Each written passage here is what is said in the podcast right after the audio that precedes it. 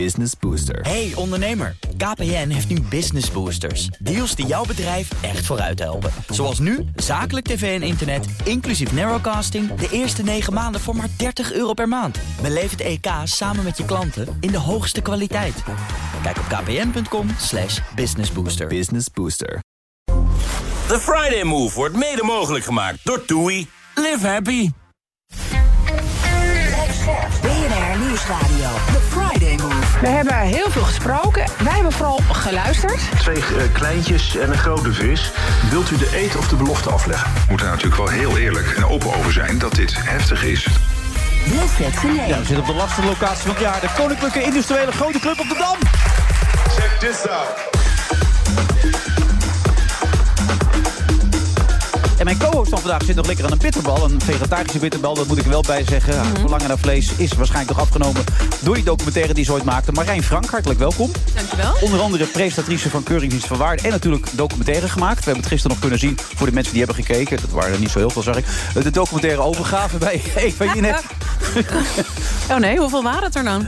Um, 600 of 600.000 of zo, 650. Nou, nee, niet is toch heel veel? Nee, maar we waren er veel meer. Nee, maar we zitten, zo zit ik altijd naar de kijkcijfers nu te kijken. Dat snap je toch wel, Peter? Heerschop, hè? Eh, ja, doe je dat nog steeds? Zit jij echt nog naar de kijkcijfers te Wij kijken op zijn tijd wel naar de kijkcijfers, ja. Ja, op zijn tijd. Gewoon Ja. af en toe toch? Af en toe, ja. Bij een dagelijks programma Nee. ga je toch niet kijken naar kijkcijfers? Nee, maar wel geregelmatig. Oké. toe. Maar Marijn Frank is mijn co-host voor Ja, vandaag. Marijn, leuk. eh, goed dat je er bent. Ja, leuk. Hoe is de stemming? Nou, heel goed, heel goed. De eerste schaal bitterballen zit erin, dus mijn dag gaat niet meer stuk. Ehm, nee, ja, ik ben vrolijk, het is gezellig. Je ehm. bent wel vrolijk. Ja hoor. Oké, want ik krijg dan een draaiboek. Daar probeer ik zoveel mogelijk nog even uit uit te putten. En er staat als eerste in... Marijn Frank is best wel zwaarmoedig. Ja, dat is op zich ook waar, maar niet in, eh, in dit gezelschap. En niet, ehm, nou ja, met bitterballen. Dat zijn echt allemaal pluspunten. In welk gezelschap ben je wel zwaarmoedig dan? Eh, nou, in, in mijn eentje, Ja? ja. Heb je het ja. moeilijk met jezelf? Ehm, nou, soms wel, ja. Oké, want je hebt nog iemand meegebracht. Dat is jouw filmmoeder. Mijn filmmoeder, Suzanne Raas, Ja. tevens producent bij. Dokmakers, eh, de producent van de filmovergave. Dus eh, ja, die is hier om een gezelschap te houden en te voorkomen dat het allemaal helemaal uit de hand loopt. Oké, want dat houdt ze wel een beetje in de gaten voor jou. Dat Ja. heb je ook nodig, iemand die je een beetje in de gaten houdt. Ja, iemand die mijn handje vasthoudt. Eh, Oké. Ja. Ja, want zij zegt over jou, ze is grillig in haar gemoed. Het kan alle kanten opschieten. Ja, dat herken ja, je. ja, absoluut. maar we zitten nu ook op het goede moment van de maand. Dus nee, ehm, Oh ja, Dus- vertel. nee, ja, god, ja, ik kan heel neerslachtig zijn, maar het is niet een soort constante staat van zijn. Nee, dat zou niet best zijn. Je hebt twee kinderen en een vriend. Dus, ja, eh, nou, die weten dat ook. ja. En hoe gaan die daarmee om? Ehm, nou, die zeggen dan, eh, misschien moet je even een rondje gaan hardlopen. En dat heeft je geholpen. Dat hebben we in de film overgave kunnen zien. Ja, zeker. Mooie Dat, eh, documentaire. Ja, ik, ik schiet niet vol zoals Eva. Wat deed dat eigenlijk met jou dat Eva gisteravond vol schoot? Nou, dat vond ik eigenlijk heel erg mooi. Want eh, voor mij was het heel moeilijk eigenlijk in dat rouwproces om erover te gaan praten... en ook om die emoties toe te laten. En dat Eva dat daar gewoon live aan tafel ehm, ja, moest huilen, vond ik wel... eh, ja, het was natuurlijk niet iets wat ze bewust deed... maar ik vond het wel mooi dat haar tranen er mogen zijn. Want ik denk dat je, hè, als dat zo is... dan maak je het jezelf en elkaar een stuk makkelijker. Ja, voor de duidelijkheid. In overgave gaat het over jouw overleden vriendin Annemarie. Mhm. Dat heb je gevolgd tot het einde toe. Eh, zij was gek op hardlopen. Voor de mensen die het nog niet weten hoe het verhaal in elkaar zit. Je hebt haar hardloopkleding geërfd. Ja? Haar geur zat er nog in. En je bent zelf ook gaan hardlopen. En wat heeft je dat gebracht? Oef. Bevrijding? Ehm, nou ja, uiteindelijk heeft dat wel heel veel gebracht. Maar niet alleen het hardlopen, maar het hele proces. Dus wat ik net ook zeg, dat we erover gaan praten. Maar ik ben dus gaan trainen voor een marathon. En eerst was dat heel lang eh, absoluut verschrikkelijk. Dus eh, ik had een ontzettende hekel aan hardlopen. En dat, eh, dat duurde echt tot, de tot de 30 kilometer training of zo. Dus het was best wel een pittig jaar. Maar uiteindelijk heb ik ook wel ehm, ja, het licht gezien bij dat hardlopen. En kon ik er wel van genieten. Dus Ja. wat heeft het je gebracht? Wat heeft het me gebracht? Puur dat hardlopen? Misschien wel de documentaire ook. Alles bij elkaar. Nou, uiteindelijk wel een betere staat van zijn. Ik ben wel, ik bedoel, dat zeg ik ook in de film. iemand verliezen is heftig en dat verdriet is er nog steeds, maar het is wel veranderd. Dus het is niet meer zo dat ik die ontzettende alleen maar zo somber was. En dat, dat heeft eh, zowel het maken van de film als het hardlopen als het praten heeft daar wel bij geholpen. Wat opmerkelijk was, ik stond net met ik zat eigenlijk met Peter. Nee, jullie zaten, ik stond met Peter Heerschop en Viggo Waas te praten. Dat je soms dingen in het leven moet overkomen om weer te beseffen waar het allemaal om draait. Mhm. Heren, wel- welkom trouwens. Nou, dat kun je, kun je als geen ander natuurlijk. eh, Ja, ja, het is niet zo dat ik... Ik had graag zonder gewild. Die, Dat is een vak. Maar het is gewoon gebeurd. Dus je moet het eh, nemen zoals het is. En je, je hebt wel een andere kijk op, op het leven. Ja, voor de duidelijkheid, je hebt een hersenbloeding gehad. Ja, ja, infarct, infarct. Ja. Een propje. En daarbij maakte hij eigenlijk een keuze toen het op dat moment gebeurde, heb je verteld. Ja. Je besefte dat je wegviel. Ja. Je besefte dat de dood nabij was. Ja. En toen koos je ervoor om te blijven. Zo omschrijf ik het toch? Goed? Ja, ik dacht eerst van... eh, ja, ik kan ook doodgaan. Ik kan gewoon... Als ik me nu laat wegleiden, dan ben ik dood. En toen dacht ik in een moment van... ik heb nog geliefden, dus ik moet blijven leven. Of proberen te blijven leven. Het is niet zo dat je waarschijnlijk dat je het echt in de hand hebt... maar ik moet wel proberen te blijven leven voor die mensen. Dus toen heb ik gedacht, ja, ik ga gewoon in, de, in een liggen... en wachten op de ambulance. En die kwam snel, gelukkig. Dus toen, ja, toen werd ik wakker in het ziekenhuis. En toen, eh, vanaf daaraan heb ik het aangepakt. Ja. Wie waren op dat moment in je hoofd? Eh, mijn vriendin. mijn zoon, mijn dochter. En mijn vrienden. Ja, Peter zat er ook bij op dat moment in je hoofd. Niet meteen. Leuke Niet vraag. meteen. Niet meteen. Meer mijn, v- mijn, mijn vrouw en mijn zoon en mijn dochter. Nou, Ook omdat Peter, jij hebt ook al interviews gegeven. Jij stief een klein beetje mee op dat moment, als ik die interviews lees van jou. Hoe heb jij dat ervaren dan? Poeh. Ja, dat was ontzettend spannend natuurlijk. Eh, eerst even hier. Ik, ik vind het heel logisch dat hij eerst denkt aan zijn, aan zijn vriendin, zijn vrouw en zijn twee kinderen. Ja. Want hij weet, ik red me echt wel. Dus dat maar jullie hebben over vriendschap al gezegd dat gaat verder dan onvoorwaardelijke liefde. Dat ja. is, Nee, ja, vriendschap is inderdaad wel de hoogste vorm van liefde, denk Ja. ik. Dat is onvoorwaardelijk sowieso. Maar dat heb je ook wel met kinderen natuurlijk. Vooral met kinderen. Ja, wat was het voor mij? Ik hoorde dat en, eh, en, en ik, ik, eh, ik begreep dat het heel slecht was. En, ehm, en de, dochter die, de, de eerste dochter die ik sprak toen ik op weg was naar, eh, naar de wachtkamer bij de operatie, die zei. Eh, ik was samen met, met Marisa, zijn vriendin. Jullie moeten echt rekening houden met het allerergste. Ehm, nou, daar begint het. En dan in, in een klap ben je in een soort shock van... Goh, eh, dan raak ik mijn beste vriend kwijt. Wie, wat, wie ben ik dan nog? En dat is een moment en daarna is het gewoon wachten. En, en, en kijken wat er gebeurt. Ehm, en de eerste dagen daarbij zijn, die waren echt wel, eh, vond ik, behoorlijk eh, verschrikkelijk, moet ik zeggen. Hoe dat eruit ziet. Dat je ook niet, ja, je ziet ook niet wat het zou kunnen worden.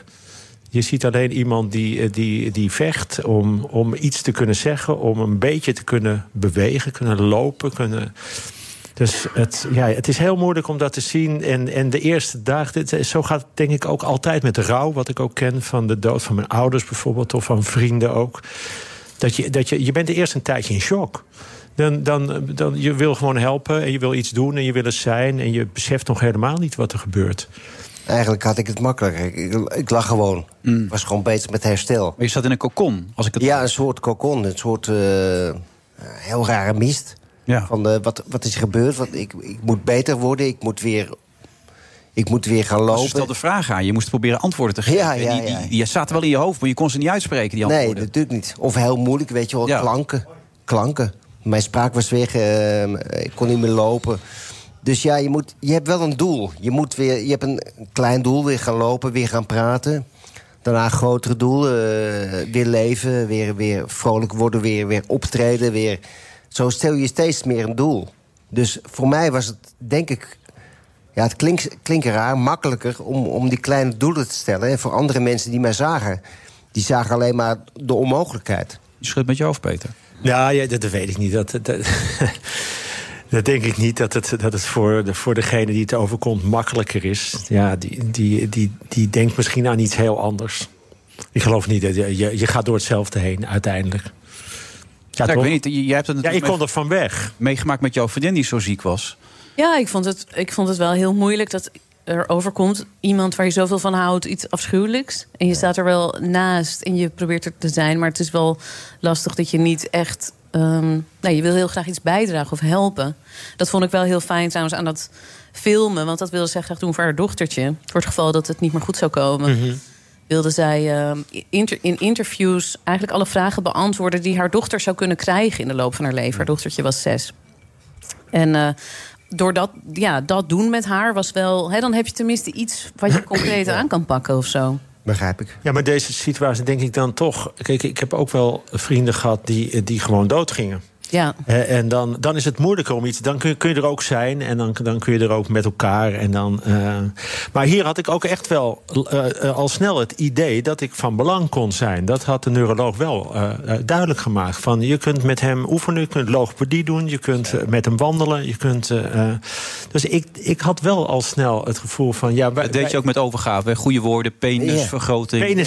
Ja, ja, kijk, hij, kreeg een, hij kreeg een hele lijst met, met, met woorden. Ja, daar, daar, daar begon al met theaterproductie. Nou, dat is dan. eh, dat, dat schoot hij gelijk vol. Ja. En Ja. ehm, ik denk, ja, ja dat, zo werkt het niet. Laten we dingen doen waar we. Waar we normaal gesproken heel erg Om kunnen lachen. Om moest, eh, nou ja, dus dan, dan deed ik uh, schaamlipcorrectie Mm. en penisverlenging. Moeilijk woord hoor. En maar ik kwam de verpleegkundige en of de logopedist. Toen, toen, toen zei ik, oké, ik, ik stop. Maar hij, hij zei, nee, doorgaan, doorgaan. Dus eh, ja, weet je, dan, dan, dat, dat is ook de ontspanning erin. Dat is ook weer met elkaar meegaan en denken... ja, ja, we kunnen ook nog wel lachen met elkaar. Ja, dat is super belangrijk. Ik heb geprobeerd hier te verplaatsen. Dat kan haast niet, Figo. Maar ik bedoel, we kennen elkaar al lang. En ik weet hoe je in het leven staat. Een snelle jongen, makkelijke babbel. eh, Ja. weet je wel, alles wat mee. Ja. Eh, hoe moeilijk is dat om dat te accepteren, wat er dan gebeurt? Eh, moeilijk. Je, je, je gaat anders tegen het leven aankijken. Tegelijkertijd weet je gewoon dat er is een verandering en eh, het is moeilijk te accepteren, maar je moet het accepteren. Weet je wel, je, moet, je bent even dat, dat snelle, dat, dat eh, ben je kwijt gewoon. ja, dat- het is dat- ook wie je was, weet je wel. ja, maar je ja, ja. Ik, kijk zo, ik kijk nu naar een foto hier, die, eh, met Peter. Hm? Denk, wie is die man? ja, dat is een andere man. Ja, hij is een andere man. Wie is die man die, die daar zo staat te lachen, weet je wel? Het is, het is niet zo dat, dat ik niet meer kan lachen. Ik kan ontzettend eh, plezier hebben en lach. Maar toch denk ik, weer, het is een andere man. Hoe komt dat? Ben je nog bang dan? Of Nee, ik ben niet bang. gebeurt, of- Nee, ik ben niet bang. Maar weet je wel, ook als ik op de wc zit... daar hangen allemaal foto's, weet je wel. Dan denk je, ja, dat was ervoor. Ik denk, ja, er is echt wel een, een, een, een grens gekomen. Weet je, voor het infarct en na het infarct. Maar wie zit hier nu dan? Ja, eh, en, ik denk een, eh, een, halve Figo. Een driekwart Figo. Drie kwart Figo. Ja. Want je zei een keer 90% eh, fysiek, Ja. 70% mentaal ben ik er weer. Maar Ja, ik ben nou wel iets verder, ja, eh, merk ik. Maar, eh, maar drie kwart is nog steeds niet 100%. nee, nee het is, het- het- dat besef ik nu hoor. Ik, Ja. ik zie Maar die 29 maart vorig jaar is Ja. best kort, toch? Of, Eh, dat zeggen mensen wel, ja. ja, toch? Als je Ja, het zo ja, denkt. ja, ja, ja, of zie ik ja, dat ja, verkeerd, Peter? Ik weet het niet, maar jullie hebben er natuurlijk voor doorgeleerd nu inmiddels.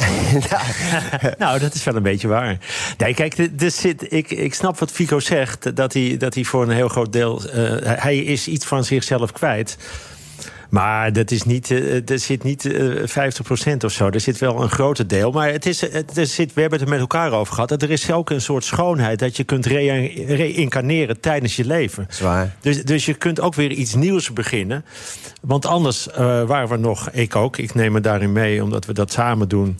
Dan hadden we nog 10, 15 jaar, 20 jaar hetzelfde gedaan. En nu moesten we, eh, moest vooral Fico zichzelf weer uitvinden. Maar ik ben daarin meegegaan. De mensen omheen zijn met hem meegegaan. dus jij bent ook gereïncarneerd, zoals je het zegt. Ja, dat, nou ja, er is wel iets nieuws begonnen. Dat je denkt, oh ja, nee, eh, dit, dit is een kans om... eh, ik, moet dingen achter me laten, die, die, die zie ik nu anders. En ik, ik kan nu weer vooruit. Wat ik moest je achterlaten iets dan? Nou ja, ik, ik vond het wel mooi om erachter te komen. eh, de, kijk, een vriendschap verdiept zich. Dus je, dus je komt erachter wat een, een nieuw belang van vriendschap, van dichtbij zijn, van. ehm, we kunnen met elkaar iets meemaken. En daarom hebben we dit theaterprogramma nu ook gemaakt. Dat gaat hier ook over. Om te, om te voelen hoe, hoe dichtbij je eh, bij iemand bent gekomen. Met alle angsten en onzekerheden. En alle, alle lol en alle slappe lach die we er tussendoor hebben gehad. Maar altijd vechtend voor. Wat kunnen we nu nieuw beginnen? We, wat, wat, wat we deden, dat, dat gaat nooit meer hetzelfde worden. Dat, dat, wordt, dat wordt nooit meer beter, wat we toen deden. Maar we kunnen wel nu dit meenemen, iets heel moois met elkaar meemaken. Herken je dit, Marijn, dat je ook gereïncarneerd bent... door wat er gebeurd is met jou en je vriendin? Oef. Diep. Nou, vind ik wel moeilijk. Ik bedoel, als ik dit zo hoor, dat klinkt dat gewoon zo mooi en bijzonder dat jullie dat hè, dat, nou ja, dat je beter bent geworden. En dat jullie Ja, nu ja. verder gaan met elkaar. En dat het de vriendschap heeft verdiept. En toen Annemarie zei, mijn vriendin, Ja. hè, toen zij ziek werd, dachten we ook, nou, we zetten onze schouders eronder en we gaan dit gewoon samen fixen of zo. Of dit, dit wordt gewoon een, een zwaar hoofdstuk uit ons leven, uit onze vriendschap. En, en daarna ga je weer verder. En Dat was het einde. het was het einde voor haar. Dus, eh, ik Maar Marijn, het, het verandert je wel, toch? Je, het, het, Ja, maakt je op, Absoluut. het maakt je verdrietig, maar het maakt je op een bepaald gebied iets rijker ook. Dat je denkt, ja... Nou, je kijkt Ja. anders tegen het leven aan. Zeker, ja. Je, je- ja, je weet gewoon dat het eindig is. Ik dacht vroeger altijd, ik ben onsterfelijk. Tot voor kort. Ik dacht, ik, ja, ik ga niet dood. Zeker niet. Ik dacht ook nooit aan de dood. Terwijl mijn vader was gestorven. Die dacht ook dat aan de dood mijn moeder, moeder was, was gestorven. Maar ik zelf dacht, ja, Kan niet gebeuren. dat gaat niet gebeuren. en nu denk, denk ik daar anders over. Ja. Haantje de voorste is nu Haantje de achterste geworden is. Eh, ja, in het begin zeker. Ja. In het begin moest ik... eh, een van de eerste keer dat we optraden... hadden we een soort livestream in die tijd van de corona. Toen dacht ik, na het optreden had ik meestal een grote bek, weet je wel. Eh, liep ik een beetje rond, een beetje te babbelen. Nu sta ik gewoon aan de kant. Waar andere mensen aan het praten. En de, ik probeerde soms wel wat te, wat te zeggen, maar ze hoorden me gewoon niet. Nee. Ze waren gewoon aan het doorpraten. Ik denk, wat- jongens, ik zeg ook wat. Weet je wel. Maar dan, natuurlijk zijn er mensen die, die dat gevoel misschien wel hun hele leven hebben. Maar Dat was ook een soort les in nederigheid. Ja, wat ja, zeker. Eigenlijk. ja, het was wel goed eigenlijk. want Wa- ik Was dat dacht- nodig, vind je dan? Had je dat nodig? Jij zit weer te lachen, Peter, maar... Nou, nodig niet, maar eh, bese- doet je wel beseffen dat, eh, dat het zo is. Dat je gewoon altijd een altijd, eh, makkelijke babbel hebt, weet je wel. En mee- meepraat en overal meepraat. Nooit bescheiden. eh, Wel is, wel Ja. is bescheiden, maar Maar bijna nooit. bijna nooit. Eigenlijk niet. Nee. Nee. Nee. Nee, Nee. dat ben je nu wel. Eh, meer. Meer. Ja, Klinkt wel zeker. alsof het voor jouw vrouw veel leuker is geworden. dat weet ik niet. Eh, misschien wel. Maar je zat erbij te lachen, Peter. Waarom? Toen het over nederigheid ging. Nou ja, dit vind ik- omdat ik hem voor me zag eh, voor dat infarct.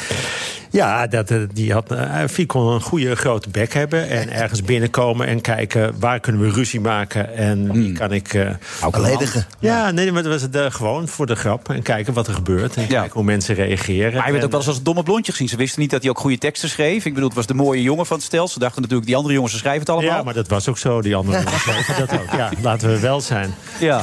En, eh, schreef heel veel. Maar ja, oké. nee, en dat, dan zie je inderdaad nu. En ik, nee, ik moest lachen omdat hij zei... dat hebben andere mensen dus misschien wel hun hele leven. Dat ze, dat ze zich niet gehoord voelen. Dat ze Ja. een beetje achter. Ze denken, oh, daar heb je hem weer met die grote bek... en ik kom er niet tussen. Ja, dat vind ik dan ook wel weer mooi. En dat herken ik wel. Fico had ook een tijd... oh jongens, dat was zo mooi. Jammer dat we daar geen docu van hebben gemaakt. Hij was echt ook een tijdje... Ik ben nu weer een beetje kwijt, sorry. Was hij een soort Forrest Gump. Echt ontzettend, ontzettend vrouw. En overal iets moois. Ik kwam dan aan, we kennen elkaar al heel lang. Ja, ja. Belde ik aan. Hallo. Ging de deur open, zei hij... Oh, daar heb je mijn beste vriend. ja, zo hebben we elkaar nooit begroet. Nee, dat is meer, hey Peter. Maar er was, alles was mooi. En oh, wat fijn. En oh, wat leuk. En wat, Dus ja, dat soort dingen maak je dan ook. Het verrijkt ook. Maar in de voorstelling heet nu er gaat nog iets heel moois gebeuren. En zo is het. Ja. Ja, en dat is natuurlijk ook zo. Zeker, Ja. zeker. Maar dat is elke avond dit beleven dus. Ja, het is... Dat is eh, best pittig. Er zit heel veel humor in, maar er zit ook veel eh, emotie in. En eh, het is, het is, je moet elke avond door die emotie heen. Dus het, Ja, ik merk nu dat het eh, op mezelf ook... eh, ik, ik, ben niet, ik kom niet eh, springend van een, als, als, als een veer van het podium af. Nee. Nee, ik wel hoor. nee, maar dat maakt het elke keer ook voor de, voor de toeschouwers, denk ik, heel, ja, nee, heel heftig. Ja, Absoluut. ja, Ja, er wordt keihard Elke gelachen. Eh, Er gaan ook mensen inderdaad met, eh, met zware emoties te staan. En dus hebben we daarna ook mo- mooie gesprekken. Ja, het, is, het, is gewoon, voor- het is echt wel iets... iets het, het is een deel van de revalidatie en dat is hartstikke mooi. Maar het is niet alleen maar een tranendal. Nee, het is ook joh, echt lachen. niet. Wordt nog wel een beetje gelachen. Ja, een beetje. Ja, Ja. Ja, beetje boel. Het is ook leuk om mensen uit te lachen. Als laat, want we hebben, we hebben het ook nog gespeeld in het revalidatiecentrum. Oh ja? Zeker, Eh, zeker. Voor de mensen daar. En, en echt de, de pijnlijkste scènes. Alle verpleegkundigen en, en eh, noem alle begeleiders op. Die ja. moesten daar keihard om lachen. Die herkenden dat de hele tijd van ja, zo ziet het eruit. Ja, ja Gelukkig. Dan is het goed. Dan kan het niet anders dan goed zijn, lijkt mij. dat Toch? lijkt me wel. Ja, als mensen er naartoe willen, hoe kunnen ze dat doen? Eh, website, Bosp Theaterproducties. Ja. speellijst Peter en Figo. Peter en Vigo. Ja, Nou, Ja. theater in de buurt. vind je het wel. Ja, vind je het Bij wel. elk theater in uw buurt. Ja. Ja. Goed dat jullie er waren, man. Ja, dankjewel. Succes. Ik ga zeker ook jouw docu kijken. Leuk. Wij zijn er zo weer, na de onderbreking. Tot zo. Business Booster. Hey ondernemer, KPN heeft nu Business Boosters. Deals die jouw bedrijf echt vooruit helpen. Zoals nu, zakelijk tv en internet, inclusief narrowcasting... de eerste 9 maanden voor maar 30 euro per maand. Beleef het EK samen met je klanten in de hoogste kwaliteit. Kijk op kpn.com slash businessbooster. Business Booster. Vergroot je overtuigingskracht en ontwikkel de magie van verbinding. Leer presenteren als een leider. Kijk op Spreek.nl. The Friday Move wordt mede mogelijk gemaakt door TUI. Live happy. BNR Nieuwsradio. The Friday Move. Russia's actions have no place in our modern world. Daar kan ik voor nu nog niks over zeggen. We zijn dankbaar voor het rapport. Het gaat over een belangrijke periode, een bewogen periode. Maar we concluderen dat het effect niet gemeten is. Wilfred. Ja, ik was op zoek naar mijn notities, maar die ben ik kwijt. Het lijkt Mark Rutte wel, zeg. Je lacht niet eens om je Ik ben even aan de war. Nou, dat moet je even inkomen, ja. Ja, we zitten bij de Friday Move vandaag en ik moet het weer op gaan zoeken. Ik vind het altijd zo lastig bij de locatie. De Koninklijke Industriële Grote Club, ja wel degelijk. En Marijn Frank is mijn co-host.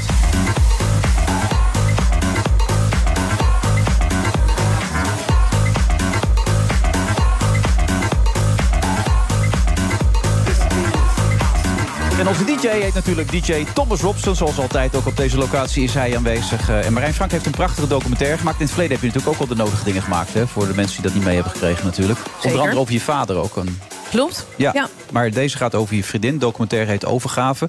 Eh, ook je vriendin was niet echt lachenbekje trouwens. eh, Als ik dat een beetje begrepen heb, toch? Nou, ze had ontzettend veel humor. Maar dat is vaak zo. Met mensen die heel geestig zijn, zijn vaak ook heel depressief. Dat zie je ook wel vaak bij eh, comedians bijvoorbeeld. Nou goed, dat was hem niet. Maar ehm, ze had zeker last af en toe van, eh, van depressieve periodes, ja. En daar vonden jullie elkaar ook in. Dat zwaarmoedige. Ja, dat... eh, De een was er nog slechter toe dan de ander. En dan kon je elkaar een beetje uit de put praten. Nou, dat is wel echt hoe het ging, ja. We zagen elkaar één keer in de week. En dan wie er slechter aan toe was, die was even aan de beurt om leeg te lopen bij de ander. Ja, Dus het was gezellig altijd. ja maar in dat zwartgallige eh, zit natuurlijk ook, ja, ook wel humor of zo. Ik bedoel, we konden ook enorm lachen met elkaar. Maar eh, iemand bij wie je dat allebei kan, lachen en huilen... dat is natuurlijk wel ontzettend fijn en uniek. Ja. Hoe gaat het nou met haar dochtertje op dit moment? Eh, nou, best wel weer beter. Eh, was natuurlijk eh, ontzettend zwaar. Is natuurlijk ontzettend zwaar voor haar nog steeds. Maar ik zie haar nog elke maandag. En dan praten we over de moeder als ze daar behoefte aan Ze is nu heeft. tien, neem ik aan. Ze was toen zes. Ja, klopt. Ja. Dat heb je snel uitgerekend. Goed, hè? Ja. Ja. Maar nee, het is gewoon. het is fijn dat ik er nog steeds zoveel zie. En we hebben echt een familiaire band. Ehm, ja, dus dat gaat wel Dat vond ik het meest heftig in de hele... Op een gegeven moment dat hij dat kaartje voorleest als hij Ja. jarig is. En dan, dat is geschreven door Annemarie. En die vertelt, je zal een grote meid zijn nu. En dan, je bent de boef. Nee, je bent geen boef, want dat Ja. ze onderling. En dat dat meisje dan een, een doekje gaat halen, halen... omdat haar vader begint te huilen. Nou, toen brak ik op dat moment toen ik zat te kijken. Dat was zo verschrikkelijk heftig. Ja, dat is echt een hartverscheurende scène. Ik bedoel, ik heb die film eh, gemaakt en honderdduizend keer gezien. Maar elke keer bij dat stuk schiet ik toch ook weer vol. Ja. Want eh, ja, dat zij er dan wil zijn voor hem, dat is. eh, Heftig was Heftig, dat, ja. ja. Toen ze die ogen helemaal dicht deed en helemaal in elkaar kroop. mhm. Zo, dat was heftig. En je zei net iets, dat kon ik me best wel een beetje voorstellen. Je luisterde naar Peter en Vigo en je was misschien wel een klein beetje jaloers. En dan is jaloers niet het juiste woord, maar hij zit er nog, dat gevoel. Ja, precies. En, en dat zij die episodes samen zo goed door zijn gekomen... en elkaar zo hebben kunnen steunen... en nog dichter bij elkaar zijn gekomen als vrienden. Dat had ik natuurlijk met haar ook heel graag gewild. Ja, dus... Ja. ehm, Kan ik me goed voorstellen. Stem je SP?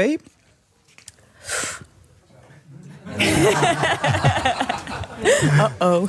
Ehm, nou, de laatste keer niet. Maar ehm, ja, Of is het overtuigend. verleden wel eens gebeurd? Eh, heb ik wel eens SP gestemd? Wacht, misschien... Wat? nee, mij... Je kijkt even naar je coach anders of hij het goed vindt of niet. Ja, ehm, nee, ja...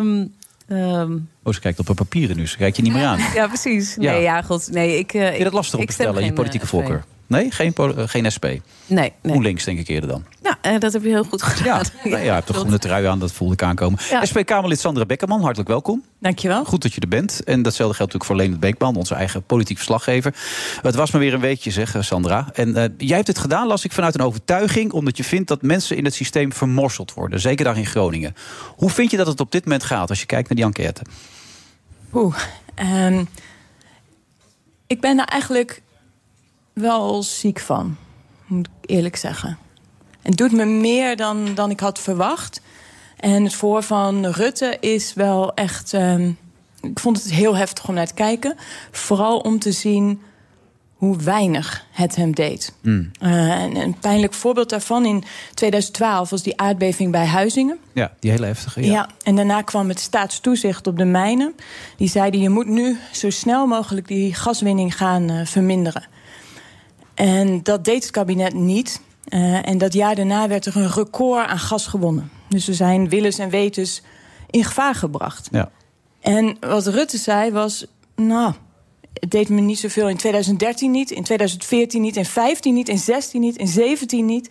En hij zei: ja, Pas in 2018 realiseerde ik me wat er was gebeurd. Ja. In 2013.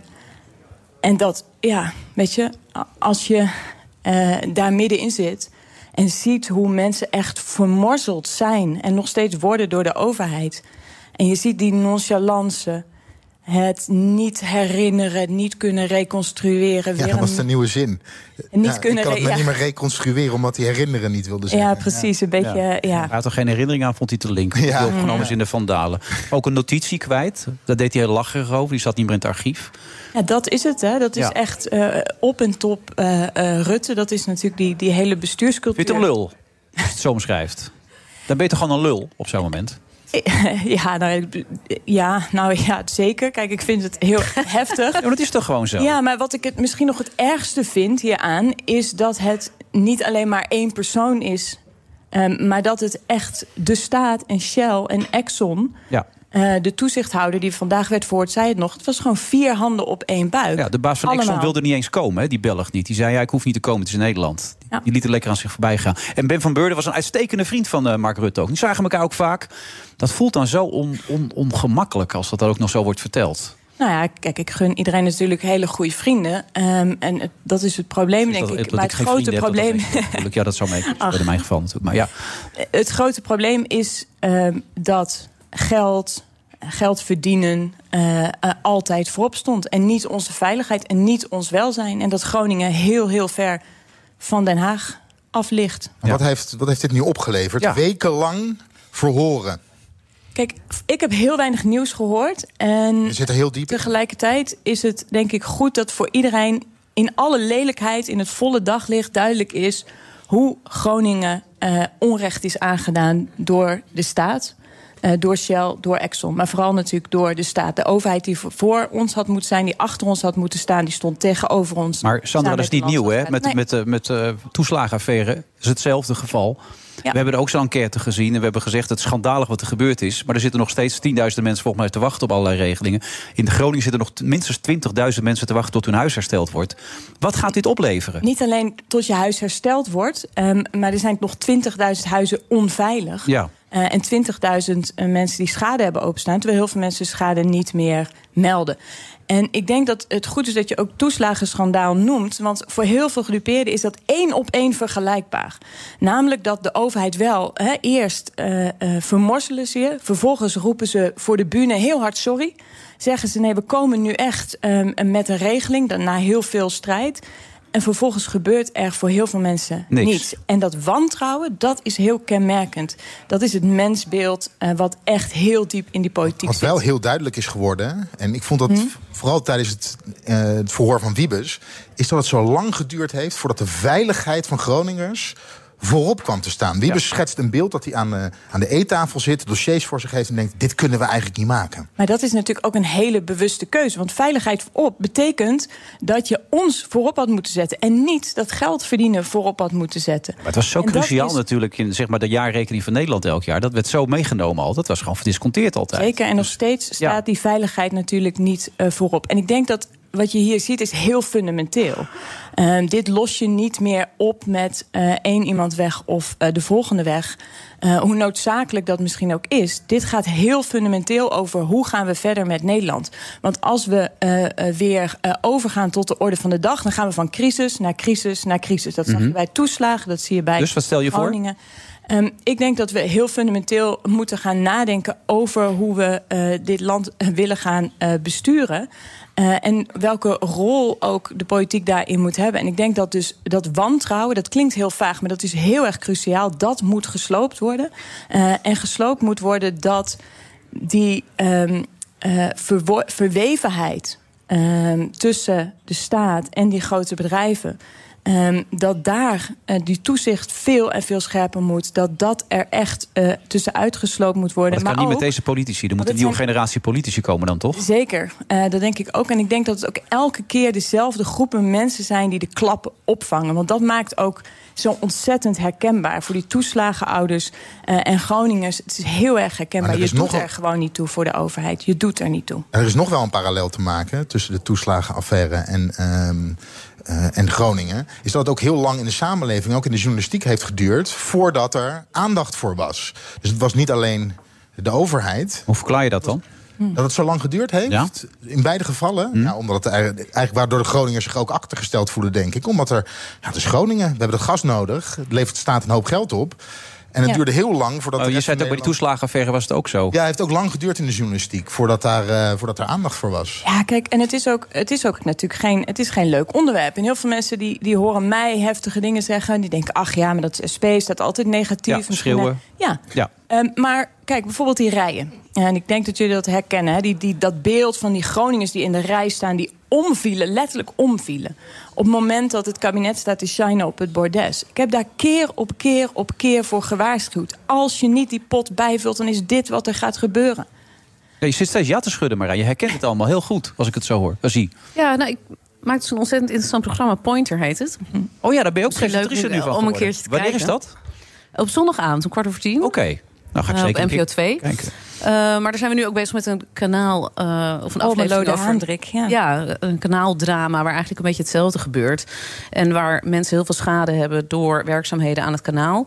En ze zien dat de deur eigenlijk dicht is. Ze krijgen geen schadevergoeding of gewoon maar een beetje van wat het kost om dat huis op te knappen. En ik heb daar mensen gesproken, ja, die ook gewoon echt ehm, in de ziektewet zitten, in elkaar storten van ellende, wanhopig zijn. Dat duurt dan al vier jaar. Nou ja, in Groningen duurt het natuurlijk nog veel langer. Maar je denkt, hoe kunnen we in een land leven waar er op deze manier met mensen omgegaan Heb jij daar een antwoord op? Want het gekke is natuurlijk, die toeslagenaffaire was nog voor de verkiezingen. Je zou denken dat zal zijn weerslag hebben op de verkiezingen. De, de, de partijen die daar verantwoordelijk voor zijn, krijgen daar een enorme afstraffing voor. Ja, maar gebeurde dat, niet. Nou, maar dat vind niet. ik echt totaal onbegrijpelijk. Ik bedoel, Nou, ik denk ook dat het deels komt omdat mensen echt afhaken. Kijk, ik heb dat kanaaldraam bij Almelo, de Haandrik... ehm, heb ik ook eh, op de agenda gezet in de Tweede Kamer. Ook omdat ik het zo herkenbaar vond. Namelijk eh, wat het doet met je als mens... als de overheid zegt... Ja, je zegt wel dat je schade hebt, maar misschien ben jij wel een profiteur. Als de overheid jou wantrouwt, dat, dat, dat eh, gaat echt heel diep onder je huid. zitten. Dat breekt mensen en ze haken af. Eh, en dat is wat er heel veel gebeurt. Dat mensen gewoon echt denken: dit systeem is er niet voor mij. Of sterker nog, dit systeem eh vermorzelt mij. Ik doe niet meer mee. Ik stem niet. Dit, dit lost niks op. En dat is natuurlijk ook hard voor mij. Want dat betekent ook dat wij veel meer moeten doen om mensen te overtuigen ehm, dat er hoop is. Maar ik, kan me heel, heel goed voorstellen dat je gewoon zegt: ehm, ik, ik kan dit niet meer. Eh, ik kan niet ehm, de hoop opbrengen dat morgen beter is dan vandaag. En dat is misschien wel het meest vernietigende wat het resultaat is van 12 jaar. Ja. En als je dan Rutte ziet zitten bij Sven Kokkelman... twee heren die het spelletje weer spelen zoals ze het altijd spelen... stoort je dat dan ook? Er wordt niks gezegd namelijk in zo'n interview. Ah, dat. Maar het is ook wel heel lastig om Rutte iets te laten zeggen, hoor. Kan ik uit ervaring eh, vertellen. Ja, en dat, dat moet je op een andere manier Sandra aanpakken. weet dat ook. Ja, je kan, we maken af en toe van die treintjes. Hè, Dat je als journalist afspreekt... Nou, als hij bij jou geen antwoord geeft... dan ga ik gewoon dezelfde vraag stellen... en de volgende stelt ook dezelfde vraag.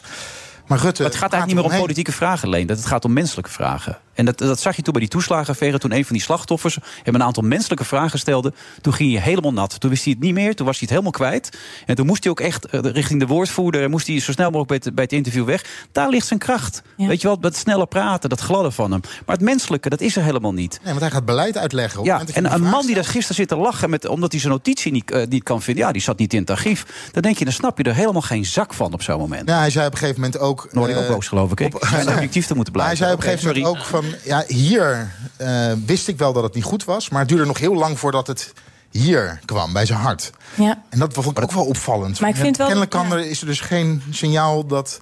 Maar Wilfred zegt het denk ik wel heel mooi. Ik, ik herken meteen, ik denk meteen dat moment met Christy Rogge... die Ja, zegt, die ja. ik stop u even. Ja. En, en misschien is dat wel eh, ook... die Haagse werkelijkheid staat zo haaks op onze realiteit in, in Groningen. Maar die komt ook niet binnen. En misschien is dat eh, ook wel meest ja, heel fundamenteel dat we ook echt moeten zorgen dat eh, al die mensen eh, veel meer eh, gehoord gaan worden. En dat klinkt natuurlijk een beetje zweverig en vaag. Nee, maar als. Shell tegenover je zit eh, en een notitie kan sturen die je vervolgens kwijtraakt, ehm, maar meteen binnen 24 uur reactie krijgt, maar Groningers dat niet krijgen, mensen in Almelo, de Haandrik dat niet krijgen, Ja. toeslagen Dat je zelf je eigen sms'jes maar kan wissen de hele tijd. En andere sms'jes komen onmiddellijk boven natuurlijk. Zoals Pieter Omtzigt van de week nog zei. En dan zakt hij op door de ondergrens. Terwijl ik bij mezelf dacht... we hebben maar één iemand die de laatste tijd door de ondergrens is gezakt. En dat is onze minister-president. Ik ben geheel niet objectief meer. mee aan mezelf. Wat ben ik hier Heel aan het goed. doen? Ja, Heel nee, goed. maar het is wel opmerkelijk, vind ik, als ik er naar zit te kijken. Er is ook zo'n filmpje dat hij in Groningen is... en dan belt hij bij de verkeerde mensen aan. Dan moest dat ook een menselijk filmpje worden... dat hij een paar vragen gaat stellen. Staat hij bij de verkeerde deur. En die mensen stellen een paar hele Mm. zinnige vragen. En zeggen, oh ja, sorry, ik ben even de verkeerde deur. Ik, ik, dat was niet de bedoeling natuurlijk allemaal. En daar gaat het om. Het is niet echt meer. En die mensen, ook voor die mensen, eh, is het nog steeds niet opgelost. En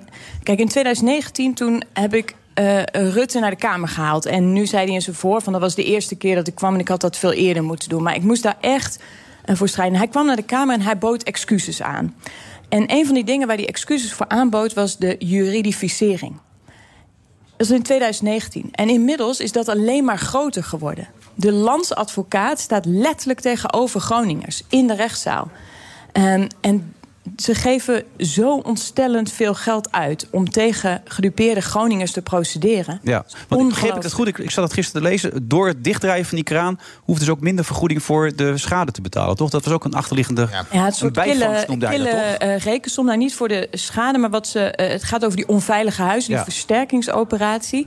Eh, en ehm, eh, eh, ze dachten dat ze dan eh, ja, daar minder aan eh, hoefden te doen. Hij, Maar noemde- als je hij, ziet- noemde, hij noemde dat een bijvangst, las ik. Ja, dat, en, en dat soort taalgebruik, hè, dus dat soort denken. Elke keer. eh Wiebes ontkent dat overigens. Hè. Wiebes zegt, die is, Mm. hij is degene geweest die ooit naar Rutte gegaan is... en gezegd heeft, we kunnen zo niet verder gaan. Rutte kon dat niet meer reconstrueren gisteren.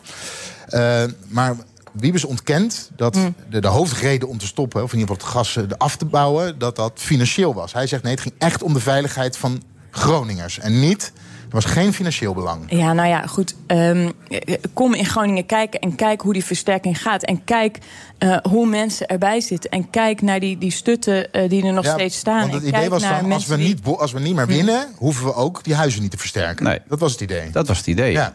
Was niet te geloven als je het erover Nou nadenkt. ja, je- en dat een bijvangst Het, het, noemen. het staat op veel huizen staan op veengrond. Ja, die, eh, die zakken nog steeds. Maar misschien hè, als ik nog iets hoopvols mag zeggen. Want ik, eh, kijk, ik wil, eh, ik- dus eh, wat ik wel eh, mooi vond om, om te zien was bijvoorbeeld... en het klinkt heel gek, maar hoe Shell onder de indruk was... van de strafzaak die Groningen zelf waren gestart. Eh, hoe ehm, eh, mensen die verhoord werden onder de indruk waren... van toch die fakkeltochten, van dat protest. Hoe toch die druk is opgevoerd vanuit Groningen zelf in de rechtszaal, op straat eh, en ook in het parlement. En dat dus wel zin heeft om in actie te komen. Want ik wil niet, eh, ik probeer elke dag niet cynisch te worden, maar die hoop hè, dat het wel degelijk heeft uitgemaakt. Want die gaskraan ging niet zomaar dicht. Die ging pas dicht nadat we dat bij de rechter hadden bevochten en nadat we eh, de straat op waren gegaan. Het doet heel veel pijn om eh, terug te zien hoeveel energie dat heeft gekost, hoeveel mensen zijn afgehaakt, maar het heeft zin gehad. Maar wat En gaat er nu wel- gebeuren, Sandra? Want dat is zo belangrijk. We hadden het net over die toeslagenaffaire. Ja. Nog zoveel mensen die zitten te wachten. Wat ik heel pijnlijk vond na die. Kijk, eh, en nogmaals, hè, je moet proberen om niet cynisch te worden. Wat ik niet wil dat er gebeurt, is dat. eh, zoals bij het toeslagenschandaal is het natuurlijk heel pijnlijk. Het kabinet treedt af, hetzelfde kabinet treedt weer aan. En mensen zitten nog steeds diep en diep in de shit. En daarom gaat dit over iets groters. Denk ik, die parlementaire enquête dan alleen maar over Groningen. Dit gaat over iets fundamenteels. En we moeten eh, echt naar een andere politiek die mensen voorop stelt, die niet het geld voorop stelt. Dat gebeurt niet zolang Zorg- Rutte er zit. Dat is duidelijk. Dat is, dat is duidelijk. Ja. Ehm, maar ik denk dat we dus fundamenteler moeten kijken dan alleen maar eh, welk poppetje. Want dit zit in de haarvaten inmiddels van Den Haag. Dit zit in de haarvaten. Ja, wat dat betreft dat- kan dit ja. rapport nog wel grote gevolgen hebben. Want als het Ja. rapport naar buiten komt voor de provinciale statenverkiezingen, zou dat nog wel eens een weerslag kunnen hebben op de verkiezingen. Ja, maar bij de vorige was dat niet het geval, bij de toeslagenaffaire. Nee, dat was, Nee, maar het is wel die Er optelsom. is wel hè? wat veranderd, hè? Want Ja? toen de tijd, ja, we zaten we nog in de Ja, zelfs mijn, coronacrisis. mijn tafelgenoot Johan Derksen is nu omgeslagen. Die pakt Rutte nu ook aan. Ja. Ongelooflijk. Nee, er is wel wat veranderd. Want eh, ten tijde van eh, de toeslagenaffaire was vertrouwen in Rutte nog hoog. Want we zaten in die coronacrisis. En dat was toch de leider die ons door de coronacrisis heen Ja, hielp. Voor veel mensen. getest? Nu staat hè, het vertrouwen in Rutte en in het kabinet is nu historisch laag. Dus wat dat betreft staat staat, staat er echt wel anders voor dan bij de vorige eh, Tweede Kamerverkiezingen. En we gaan van crisis naar crisis naar crisis naar crisis... als we nu niet Ja, zorgen dat en het Dit verandert. worden echt historische verkiezingen. We hebben nu ook eh, de appreciatie van het rapport Remkes hebben we gekregen. Het rapport Remkes wordt omarmd. Deze statenverkiezingen gaan echt ergens over. Ten eerste gaat het over stikstof. Nou, het zal over de menselijke maat gaan. Maar ook over hè, de wooncrisis. Zeker. Daar gaat de provincie echt over. Dus het worden provinciale statenverkiezingen met inhoud. En dat hebben we al een tijdje niet meer gezien. En ja, het, het zou nog wel eens een, eh, een politieke aardverschuiving kunnen zijn, vermoed ik zo. Maar ook voor de SP? Ha! Dat eh, durf ik niet te zeggen. Oh-oh. Je lacht er zelf om, Sandra. Waarom? Nou ja, we moeten toch een beetje om kunnen lachen. Ik, ik zal mijn uiterste best doen. En wij blijven onze uiterste best doen in Groningen voor toeslagenouders. Maar zeker ook op die energierekening. We zijn een petitie gestart om eh, een volkspetitie om eh, energie weer eh, publiek te maken. En die rekening omlaag. Eh, wij eh, strijden door. Ja, nou, dat merk ik. Woede en hoop, dat heb je gezegd. Dat zijn mijn drijfveren. Nou, die heb ik wel echt gehoord vandaag. Jou toch, Marijn? Ja, wie weet waar ik de volgende keer op ga stemmen. Ja? Ik vond het wel een goed verhaal. Ja, ik ook, absoluut. En ik hoop ook echt voor die Groningers, maar ook voor die mensen met die toeslagenaffaire... en al die kinderen die uit huis zijn gezet, weet je wel... dat daar nog oplossingen voor gaan komen. Dankjewel, eh, Sandra Bekkerman. Dat zeg ik ook tegen jou. Leonard Beekman. Nou het komt in de buurt. Bekkerman, Beekman, hè? Tot zo.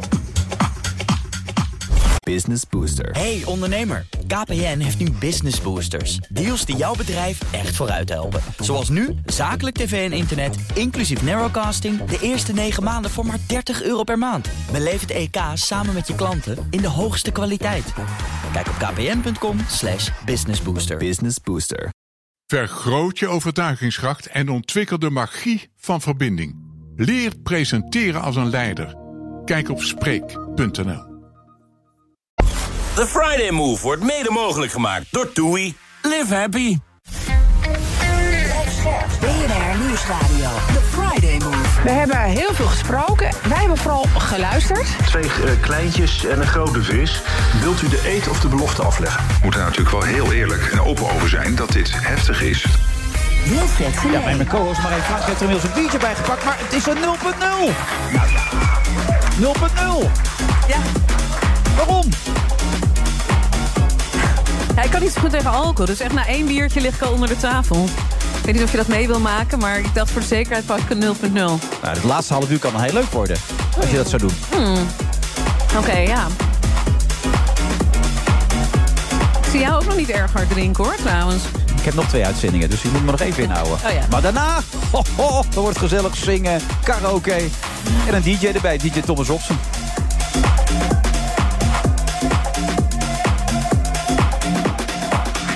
En we zitten vandaag in de Koninklijke Industriële Grote Club op de Dam. Moet je even je best voor doen om te komen. Maar dan heb je ook wat natuurlijk, hè. Schitterende club. Beetje eh, wat oudere stoelen. Dus oude, oude, oud meubilair volgens mij. Dat wel, hè? Dus dat- Zeker. Statig is dat. Oh, er zijn mensen helemaal niet zo... Het is toch oud meubilair hier? Het staat er al een tijdje, denk ik. Ik denk al 100 jaar, als ik het zo zie.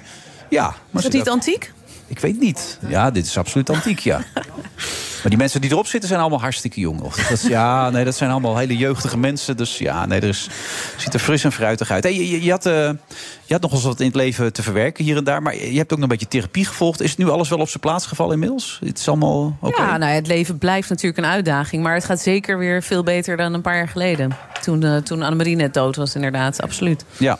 Maar zelfs bij dat vleesverlangen had je ook therapie nodig. Er kwam ook meer boven dan je zelf gedacht had, toch? Ja, klopt. Ja. Wat kwam er zo al boven dan toen? Bij, eh, bij vleesverlangen? Ja, toen je in therapie ging, je denkt, nou, bij mij gaat het allemaal wel lekker. En toen kwam je er toch achter dat er meer met je aan de hand was dan je dacht. Wat kwam er zo al boven toen dan? Nou, wat me meteen te binnen... Die film is al best wel oud, maar Ja, nou, dat, dat, ik, dat ik meer van, van vlees hield dan seks was natuurlijk wel... Maar goed, dat kwam niet in de therapie, maar dat kwam bij de wetenschappers naar boven. Mhm. Dat was de eerste schok die ik kon verwerken.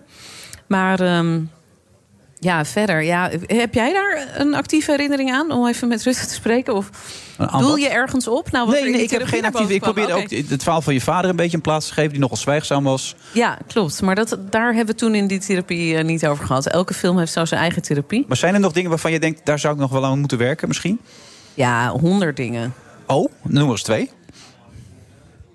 Oh, lieve hemel. Nou, jij eerst. Waar moet jij aan werken? Nee, ik ben klaar. Ik ben helemaal.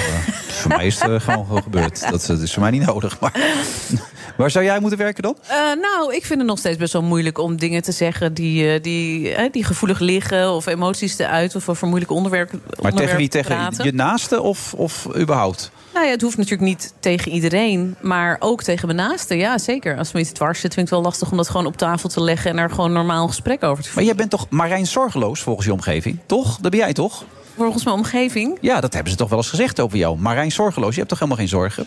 Wie heeft dat gezegd? Dat las ik in een van die vele interviews die ik er voorbij zien komen. Dat je man dat ook wel eens zegt en zo. Maar dat ja, is dus... nou ja, kijk, ik kan best wel veel. Ik bedoel, ik kan op zich prima leven. Ik, ik functioneer. Oh, ja, dat lukt nog wel. Ja, ja, je komt de dagen door, zeg maar. Ik kom de dagen door en ehm, ik heb gelukkig nog steeds een aantal goede vrienden met wie ik ook weer van alles eh, deel. Maar eh, heb jij dat niet? Dat het leven gewoon ook een, een enorme worsteling is? Ja, op zijn tijd wel. Jij zei ook een keer volgens mij dat het je het verbaast dat er, veel, dat er niet eens zoveel meer mensen in gestichten zitten. Als je ziet hoe lastig het leven kan zijn zo nu en dan.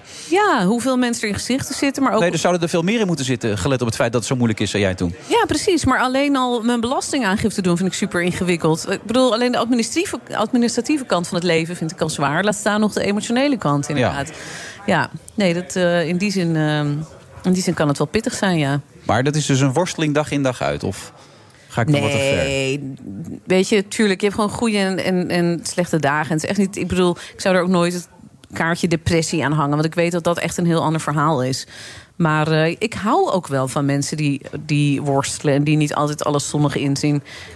Ik bedoel, eh, ik vind dat ook altijd eigenlijk wel, ehm, wel leuk om met dat soort mensen te praten. Het is Nou, toch ook best wel eh, dit- saai als alles alleen maar voor de wind gaat. Het is wel mooi dat je dat zegt. Hij, hij schuift namelijk net aan, Nielsen. Hartelijk welkom.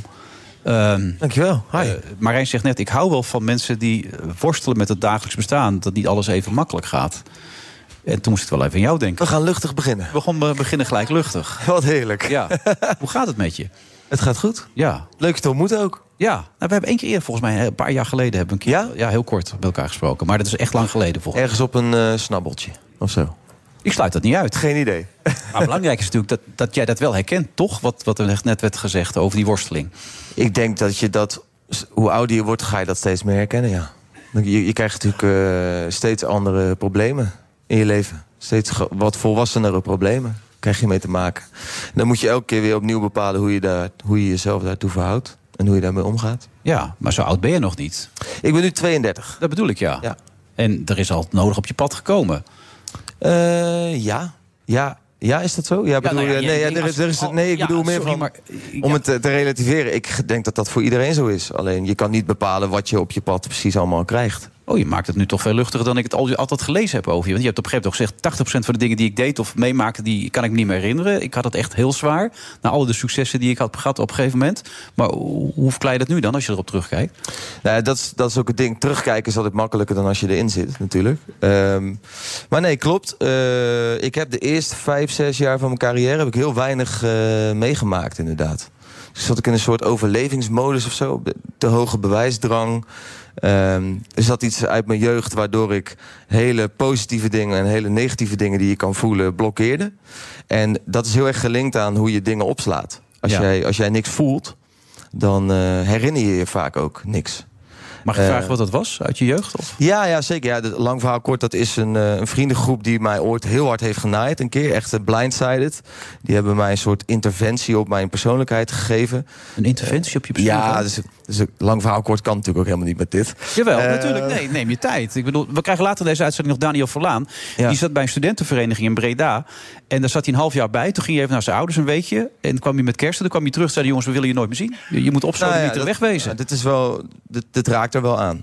Ehm, dus het was op een soort kamp van de kerk. Ik ben eh, kerkelijk opgevoed.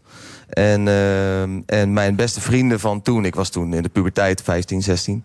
En eh, die hadden, ehm, die vroeg, ja, een, een van mijn vrienden vroeg of ik naar de loods wilde komen. En daar, eh, en daar hadden ze stoeltjes klaargezet. En eentje was nog leeg, die was voor mij. Toen gingen ze me collectief vertellen wat ze van mij vonden. En dat was niet heel positief. En toen heb ik ze eigenlijk daarna nooit meer echt gesproken. Maar dat moment is eh, achteraf gezien dus heel erg bepalend geweest voor hoe ik daarna met dingen ben omgegaan. Dus ik heb, het- daar heb ik een soort van schild eh, ontwikkeld. Van dat wil je niet meer, weet je wel. Dat is natuurlijk altijd zo van, dan wil je jezelf een beetje beschermen. Alleen niet per se bewust. Dus je moet je er bewust van worden om het weer af te leren. Maar je bent scherm kwijt nu? Of is het er nog steeds? Ja, nee, het is, was het maar zo makkelijk. Want gedrag wat je 16 jaar aanleert... moet je ook weer 16 jaar voor trainen om het af te leren. Maar het gaat wel een stuk beter. En ik eh, vind het nu allemaal weer een stuk leuker, ja. Ik, ik probeer me toch even voorstellen. Wat was de aanleiding voor de jongens om dat te doen? Waarom in hemelsnaam? Ja, ik heb niet alle antwoorden hierop. Ik heb nooit echt Maar dat zul je meer- toch afgevraagd hebben? Al die Eh, jaren? zeker wel, alleen... ehm, Ik heb zoiets nooit gehoord eigenlijk. Dat mensen er- ertoe komen om, om iemand eigenlijk voor een tribunaal te zetten. Terwijl Ja. je vrienden zijn. Wat, wat, wat bezielt mensen dan? Ja, dit is natuurlijk ook in de spiegel. Ik heb ook in de spiegel gekeken. Weet je. Ik heb ook nagedacht natuurlijk heel vaak van... wat, he- wat kan ik gedaan hebben om eh, zoiets te veroorzaken? Maar ik heb daar het antwoord niet op. Wel, Maar waar- ik, er, was, er was één meisje in die... We gaan dit nu helemaal evalueren. Helemaal Ja, goed. nou ja, maar... Er was één meisje in die groep waar ik altijd een soort haat-liefdeverhouding mee had. Het was altijd, was altijd een beetje... Soms konden we elkaar niet lucht of zien, soms waren we verliefd op elkaar. En eh, we hadden allebei ook een beetje de dominante rol in, in, die, in die groep, in die vriendengroep. En soms dan won zij en soms dan won ik. En zij, zij heeft dit opgezet tegen mij. Waarschijnlijk in, op het moment dat we elkaar dus niet konden luchten of zien. En ik denk niet dat ze zich... Ik denk dat ze zich niet bewust is geweest van het effect wat dat op mij heeft gehad. Ik denk niet dat ze heel ver heeft doorgedacht. We waren allemaal pubers. Wat dat met iemand kan doen. Dat denk ik niet. Nee. En hoe sta je er nu in? Zoveel jaar later? In dit verhaal? Ja? Dit, dit verhaal heb ik echt wel achter me gelaten. Ik weet nu waar het vandaan komt. Nee, dat weet je niet. Nee, ja, ik weet wat er gebeurd is. Ja, en, wat het met mij heeft gedaan. Ja. Ehm, waardoor ik, zeg maar, dingen die nu supergoed gaan... eh, die kon ik dus niet goed voelen. Of die, die vond ik minder leuk dan ik ze zou moeten vinden. Terwijl het mijn jongensdroom is. Ik heb de afgelopen tien jaar eh, heb ik muziek mogen maken. Ja, en maar prachtige muziek leven. ook. Dankjewel. Zulke mooie muziek maak jij. Ja, vind ik Dankjewel. ook. Maar ook omdat het zo binnen kan komen, die muziek voor jou. Vind ik het zo verbazingwekkend om jou te horen zeggen... dat je dat zelf vaak niet zo kan voelen. Of dat je het zelfs niet eens binnen kan laten komen. Hoe, hoe werkt dat dan bij jou? Nou, het is vooral. Dus het schrijven wel natuurlijk. Hè. Schrijven heeft mij heel mijn leven al geholpen om dingen een plek te geven. Of om dingen eh, ja, duidelijk te maken voor mezelf. Het is een soort therapeutisch. Ehm, maar het gaat meer om als je dan van een, eh, weet ik, van een uitverkochte HMH eh, het podium afloopt. En, en iedereen is super uitbundig en blij. En jij kijkt zo een beetje apathisch aan. Ja, dat is denk ik niet helemaal wat je wil. Nee. Dat, dat, is, namelijk iets waar je jaren van gedroomd hebt. Dus dan, dan zit er hier iets niet goed. En toen ben ik dat hele. Toen ben ik echt met een ja, therapeut met mentale hulp ben ik daar mee aan de slag gegaan. En nu komt het wel binnen als je het podium afloopt? Vaak wel. Nog niet altijd? Nee. Nee. En wat als het binnenkomt? Wat doet het dan met je? Wat voor gevoel? Eh, daar word ik heel emotioneel van. Word ik heel vrolijk van. Kan ik echt, dus het kan heel erg euforisch voelen. Het kan ook echt eh, dat ik denk van wauw, dit heb ik gemist of zo. Weet je wel? Dat je gewoon open staat, kwetsbaar bent voor wat er dan ook op je af kan komen. Is een heel fijn gevoel. Vind ik een heel fijn Ja, gevoel. dat is het mooiste gevoel wat er is volgens mij in het leven, toch? Daar, daar leef je toch voor? Daar leef je dus precies voor, ja. Precies, Ja. ja. dat is het ding. En dat lukt je het dagelijks leven nu wel? Met je naasten, Ja. met je omgeving? Ja. Dat je stroomt, zeg maar. Ja. Herken je hier iets van, Marijn? Want je kijkt mee, maar ik kan me voorstellen dat het je ook intrigeert, zo'n verhaal als dit. Ja, zeker. Nou ja, vooral dat, ehm, dat wat je zegt, dat eh, als je. Het klinkt altijd meteen zo. Ik vind dat zelf moeilijk te zeggen, omdat ik mezelf altijd meteen pathetisch vind klinken als ik dat zeg. Maar als je eh, niet voelt en alleen maar grauw bent en, eh, en, en vlak, dan. eh, ja, dat is eigenlijk een hele onprettige staat van zijn. Want je kan inderdaad ook geen blije dingen meer toelaten. Voor mij was dat ook zo met dat hardlopen. Ik bedoel, pas op het moment dat ik wel ging huilen en er wel over ging praten en wel ook in therapie ging. En eh, toen kon ik ook gewoon weer überhaupt het leven leven of zo. Gewoon ook Ja. eh, genieten van iets doen met mijn kinderen. Dat vond ik eerst allemaal een opgave. Maar ook gewoon weer dronken worden of gewoon een keer, weet je wel, ja, gewoon leven. En dat, eh, die, die, die sleutel is best wel belangrijk. Ik vind het ook ja, mooi om te horen hoe jij dat hebt gedaan. Nou, Niels kwam natuurlijk wat later binnen. Ze heeft een documentaire gemaakt over een Ja. vriendin van haar die is overleden. Oké. Die deed dan hardlopen en die heeft haar de hardloopkleding gegeven. En daardoor is ze zelf ook gaan hardlopen. En heeft de marathon van Berlijn uiteindelijk gelopen.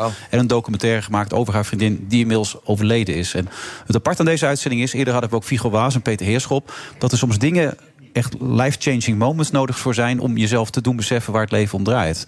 Maar heb jij dat ook zo ervaren? Dit dan, in deze situatie, wat er gebeurde? Nou ja, eh, dit soort gebeurtenissen zijn denk ik wel... eh, brengen, brengen je ontwikkeling denk ik op een bepaalde manier... ook in een stroomversnelling of zo, ja. Want Nathan, na je, je neef, die Ja. een broer voor je was, die overleed, heb je zes prachtige nummers voor gemaakt. Maar je kon ook even niet verder toen, begreep ik ook. Je, je moest gewoon een weg zien te vinden op dat moment. Nou ja, alles is heel onbelangrijk, zeg maar, als, eh, als dat gebeurt. M- mijn neef is inderdaad toen overleden, twee jaar geleden, op 10 augustus. En, en ehm, ja, toen hoefde echt niemand me te bellen of zo, weet je wel. Ik ging niet, het sowieso optreden hoefde gelukkig niet, want het was coronatijd. Dus die druk die was gelukkig al automatisch van me afgevallen. Maar nee, ja, ik wilde dat, ik, ik sloot mezelf gewoon op. Ja. Ik moest, eh, ik moest eh, door een diepdal gaan om uiteindelijk weer zin in dingen te krijgen. Ja. Ja. Mooi die tattoo trouwens, die je ervoor hebt gemaakt. Dankjewel. Ja. Hem zelf Ja, bellenblaasje. Dat is een bellenbla en een pokeballetje. En het pokeballetje staat voor Nathan, want hij was heel erg Pokémon-fan. Hmm. En een bellenblaasje is een beetje het symbool van eh, mijn eh, neven. Dat zijn mijn beste vrienden. Wij gaan elk jaar met elkaar op vakantie zelfs en zo.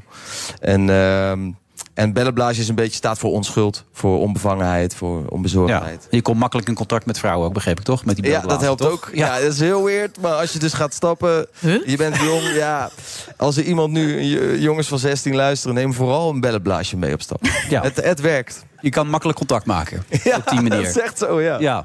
Het zou ook samen kunnen hangen met je ogen, hoor. Ik zeg het er maar gewoon even bij, voordat iedereen Oh, zo'n tattoo oh. neemt. Dan, eh, In combinatie met het bellenblazen, perfecte combinatie hoor ik hier. ja, ik had die bellenblaas nog niet ge- geregistreerd, eerlijk gezegd. Maar eh, ja, misschien dat dat voor anderen... Nee, maar het is wel mooi dat je die tattoo hebt laten zetten als herinnering aan hem. Ja. Een bijzondere jongen, en dat was het toch? Hij ja, deed wel voor mij in ieder geval heel bijzonder. Ja, en Ja. voor heel veel mensen die hem hebben gekend.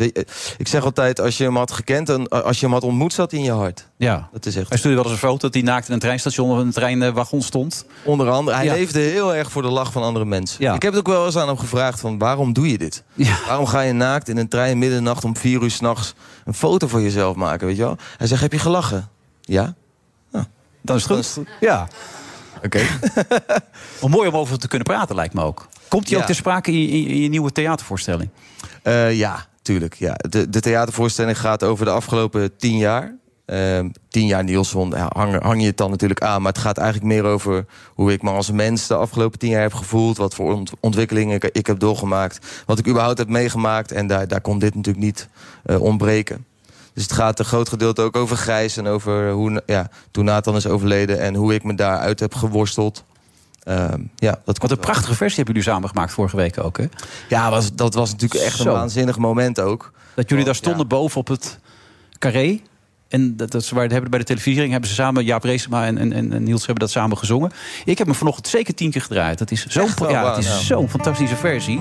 Ja, dit is volgens mij jouw nieuwe nummer, toch? Dit is om me heen. Of... Nee, dit is Grijs. Dit is Grijs Welke. Alles is veranderd. Alles is hetzelfde. Alles is kapot. Alles doet het nog. Alles staat stil. Alles gaat door. Alles heen. Er is niets meer dat ik zeker weet.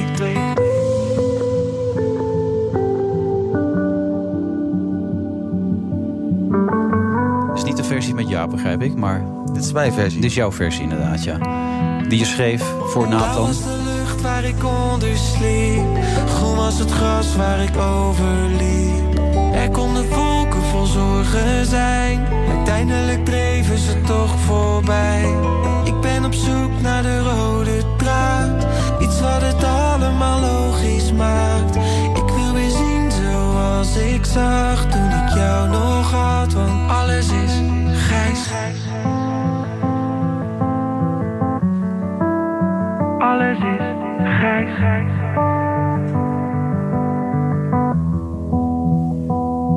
Alles heeft een datum. Alles is oneindig. Alles is alles behalve te rijmen met dat jij niet meer bij me bent. Voorstellen dat het jou raakt trouwens. eh, Marijn. zien. Nee, het is... Oh, sorry. Het is echt eh, heel eh herkenbaar. Dan denk je ook aan Annemarie op zo'n moment, als je dit hoort. Nou ja, vooral aan die hele, hele, hele verdrietige staat eh, van rouw eigenlijk. En, Dat is precies het moment waarop ik dit heb geschreven, ja. Ja, nee, dat is... Dat is En dat zou jij dan inderdaad herkennen. ja. En dat vind ik ook zo mooi aan dit soort liedjes. En dat hoop ik ook met mijn documentaire te bereiken. Dat je dan je herkent erin. Omdat het zo'n eenzaam... Ik weet niet of je dat ook zo ervaren maar ik vond het zo'n eenzaam proces. Omdat je ook niet steeds eh, bij mensen aan wil komen zetten... met je verdrietige verhaal. Dus ik nou, ik trek me gewoon wel even terug. En uiteindelijk word je daar alleen maar somberder van. Dat is, daar herken ik me helemaal in wat je zegt. En, en dat vind ik ook zo bizar aan wat er dan nu dus met dit liedje gebeurt. Het is namelijk echt, ik denk dat het het meest persoonlijk is wat ik ooit heb geschreven. Omdat je in die, ik heb het in die eenzaamheid die jij net beschrijft geschreven. En nu is het dus toch heel universeel. Dus je, je bent gewoon niet alleen, weet je wel. Je- eh, hoe, hoe, hoe persoonlijk het ook is, uiteindelijk krijgt iedereen met rouw te maken. Weet je wel. Het hoort zo bij het leven. En eh, de een helaas eerder dan de ander. En daar ben ik wel achter door het proces van, van het maken van deze EP. En van dit liedje. Ja. En nu ook met die voorstelling die je maakt. want Die is super persoonlijk als ik het zo hoor. Ja. Hoe kwetsbaar is dat voor jezelf? Nou, ik heb gisteren de première gehad. Oei. eh, in Kunstmin, in Dordrecht, mijn eigen stadje. Ja. En ehm, ik had daarvoor wel try-outs gedaan. Dus alle verhalen al een keer verteld en zo. Maar toch gisteren... eh daar komt toch de spanning toch een beetje bij. Het was wel pittig hoor. Ik, heb wel, eh, ik doe mezelf wel wat aan tijdens die voorstelling. Eh, maar het is het wel echt waard. En wat, het is voor mij de eerste keer dat ik theater doe. En wat ik heel erg vet vond, is dat je daarna dan dus... Je gaat daarna natuurlijk nog even de, weet je wel, de zaal in. Dan ga je nog even met mensen op de foto die dat willen. Of even een praatje maken. Maar dit, er waren meer praatjes dan foto's. Ja. Mensen gaan echt in- heel erg in op de inhoud van wat je hebt verteld. Van een bepaald liedje wat daar mooi bij paste. En normaal bij clubtours is het uitbundigheid. En, en, en eh, ja, die, die, die gitaarsolo was vet of zo. Zoiets, weet je wel. Dus ik, eh, ik vind het wel een vette nieuwe wereld waarin ik me nu eh, begeef. Ja, Claudia de Brij begeleidt je een beetje, begrijp ik. Die helpt je daarbij. Maar je moet het wel, want zojuist hadden we Peter en Figo dus... die moeten dat elke keer opnieuw beleven, die emotie. Dat ga jij dus ook meemaken de komende periode. Eh, nee, want daar heeft Claudia me wel, daar heeft Claudia me specifiek bij geholpen. Die zei van, je, je schrijft het liedje voor jezelf, Hm? maar je zingt het voor andere mensen. En dat helpt mij heel erg. Gisteren had ik het er bij één moment een beetje te kwaad. Maar daar sloeg ik me door die uitspraak wel doorheen. Dus ik kon, ik kon mezelf wel eh, herpakken. Dus dat gaat niet weer gebeuren, als ik jou zo hoor. Misschien wel, en dan is het ook oké natuurlijk. Want Ja. eh, whatever, je voelt ook, je bent een mens. Maar Waar kwam het door, denk je? Gisteren? Ehm, en gisteren kwam het denk ik vooral door... Er zat veel familie in de zaal. Hmm. En ik weet wat ik ga vertellen. En ik zat de hele show al te denken... van shit, ik weet wat er zo meteen gaat komen over Nathan en zo. En dan... Ik, ik ga ze wat aandoen, zeg maar. Weet je, de, de- moeten ze dat allemaal weer gaan voelen. En, maar ja, dat Hoe maakt het dan. ze het? Ja, ze vonden het super mooi natuurlijk. En je maakt jezelf alleen maar heel erg druk over dat soort dingen. Terwijl het helemaal niet nodig is. Maar toch, ik, zag de, ik kon letterlijk de emotie zien. Ik zag mijn vader zitten, mijn moeder zitten en mijn broers. Dat is toch wel een beetje apart. Ja. Kom je in de buurt van eh, Amersfoort binnenkort ook, of niet? Oeh, ja, ik ben altijd heel slecht hierin. Oké. Ik weet nooit precies. Ik doe er nog 23. Vertrouwd en nieuw. Vast wel er zijn buurt nog kaarten? Er zijn nog kaarten. Nee, als ik dit zo hoor, zou ik het graag willen bekijken. Het Ja, kom, echt- kom langs. klinkt heel bijzonder dit. Ja. Ik wil wel nog even weten hoe jouw documentaire heet. Overgave. Hij eh, is maandag 17 oktober, 5 voor half 9, NPO 2 te zien. Ga ik even kijken. Leuk. Ben benieuwd. Ja. Goed dat je Ook naar jouw eh, voorstelling. Oh, Ja, ja, nee. Dat het is bijzonder als je dat hoort, toch? ja Echt heel. heel benieuwd. Zeker. Nou, jij hebt een mooie match hier neergezet. Volgens mij snappen we elkaar goed. Ja. Dus ik ben heel benieuwd naar je verhaal. Insgelijks. Niels Littoy. Nielson, bedankt. Je bedankt. beter te hebben leren kennen. En eh, heel veel succes met deze Ja. theatertour. Ik zie, je in het, ik zie je tijdens de tour dan. Ja, dat is goed. Zien we elkaar dan. Dankjewel. Dankjewel. Business Booster. Hey ondernemer, KPN heeft nu Business Boosters. Deals die jouw bedrijf echt vooruit helpen. Zoals nu, zakelijk tv en internet, inclusief narrowcasting... de eerste 9 maanden voor maar 30 euro per maand. Beleef het EK samen met je klanten in de hoogste kwaliteit. Kijk op kpn.com slash businessbooster. Business Booster. Overwin voor eens en voor altijd spreekangst. Volg de masterclass Spreekangst. Kijk op Spreek. Spreek.nl The Friday Move wordt mede mogelijk gemaakt door TUI. Live happy. BNR Nieuwsradio. The Friday Move. Russia's actions have no place in our modern world. Daar kan ik voor nu nog niks over zeggen. We zijn dankbaar voor het rapport. Het gaat over een belangrijke periode, een bewogen periode. Maar we concluderen dat het effect niet gemeten is. Wilfred Genee. Een uitermate lichtvoetige uitzending. Zo zou je hem kunnen omschrijven. De Friday Move.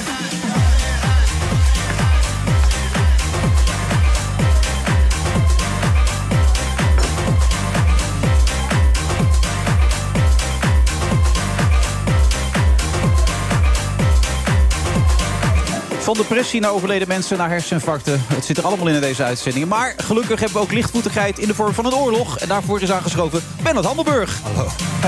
Ja.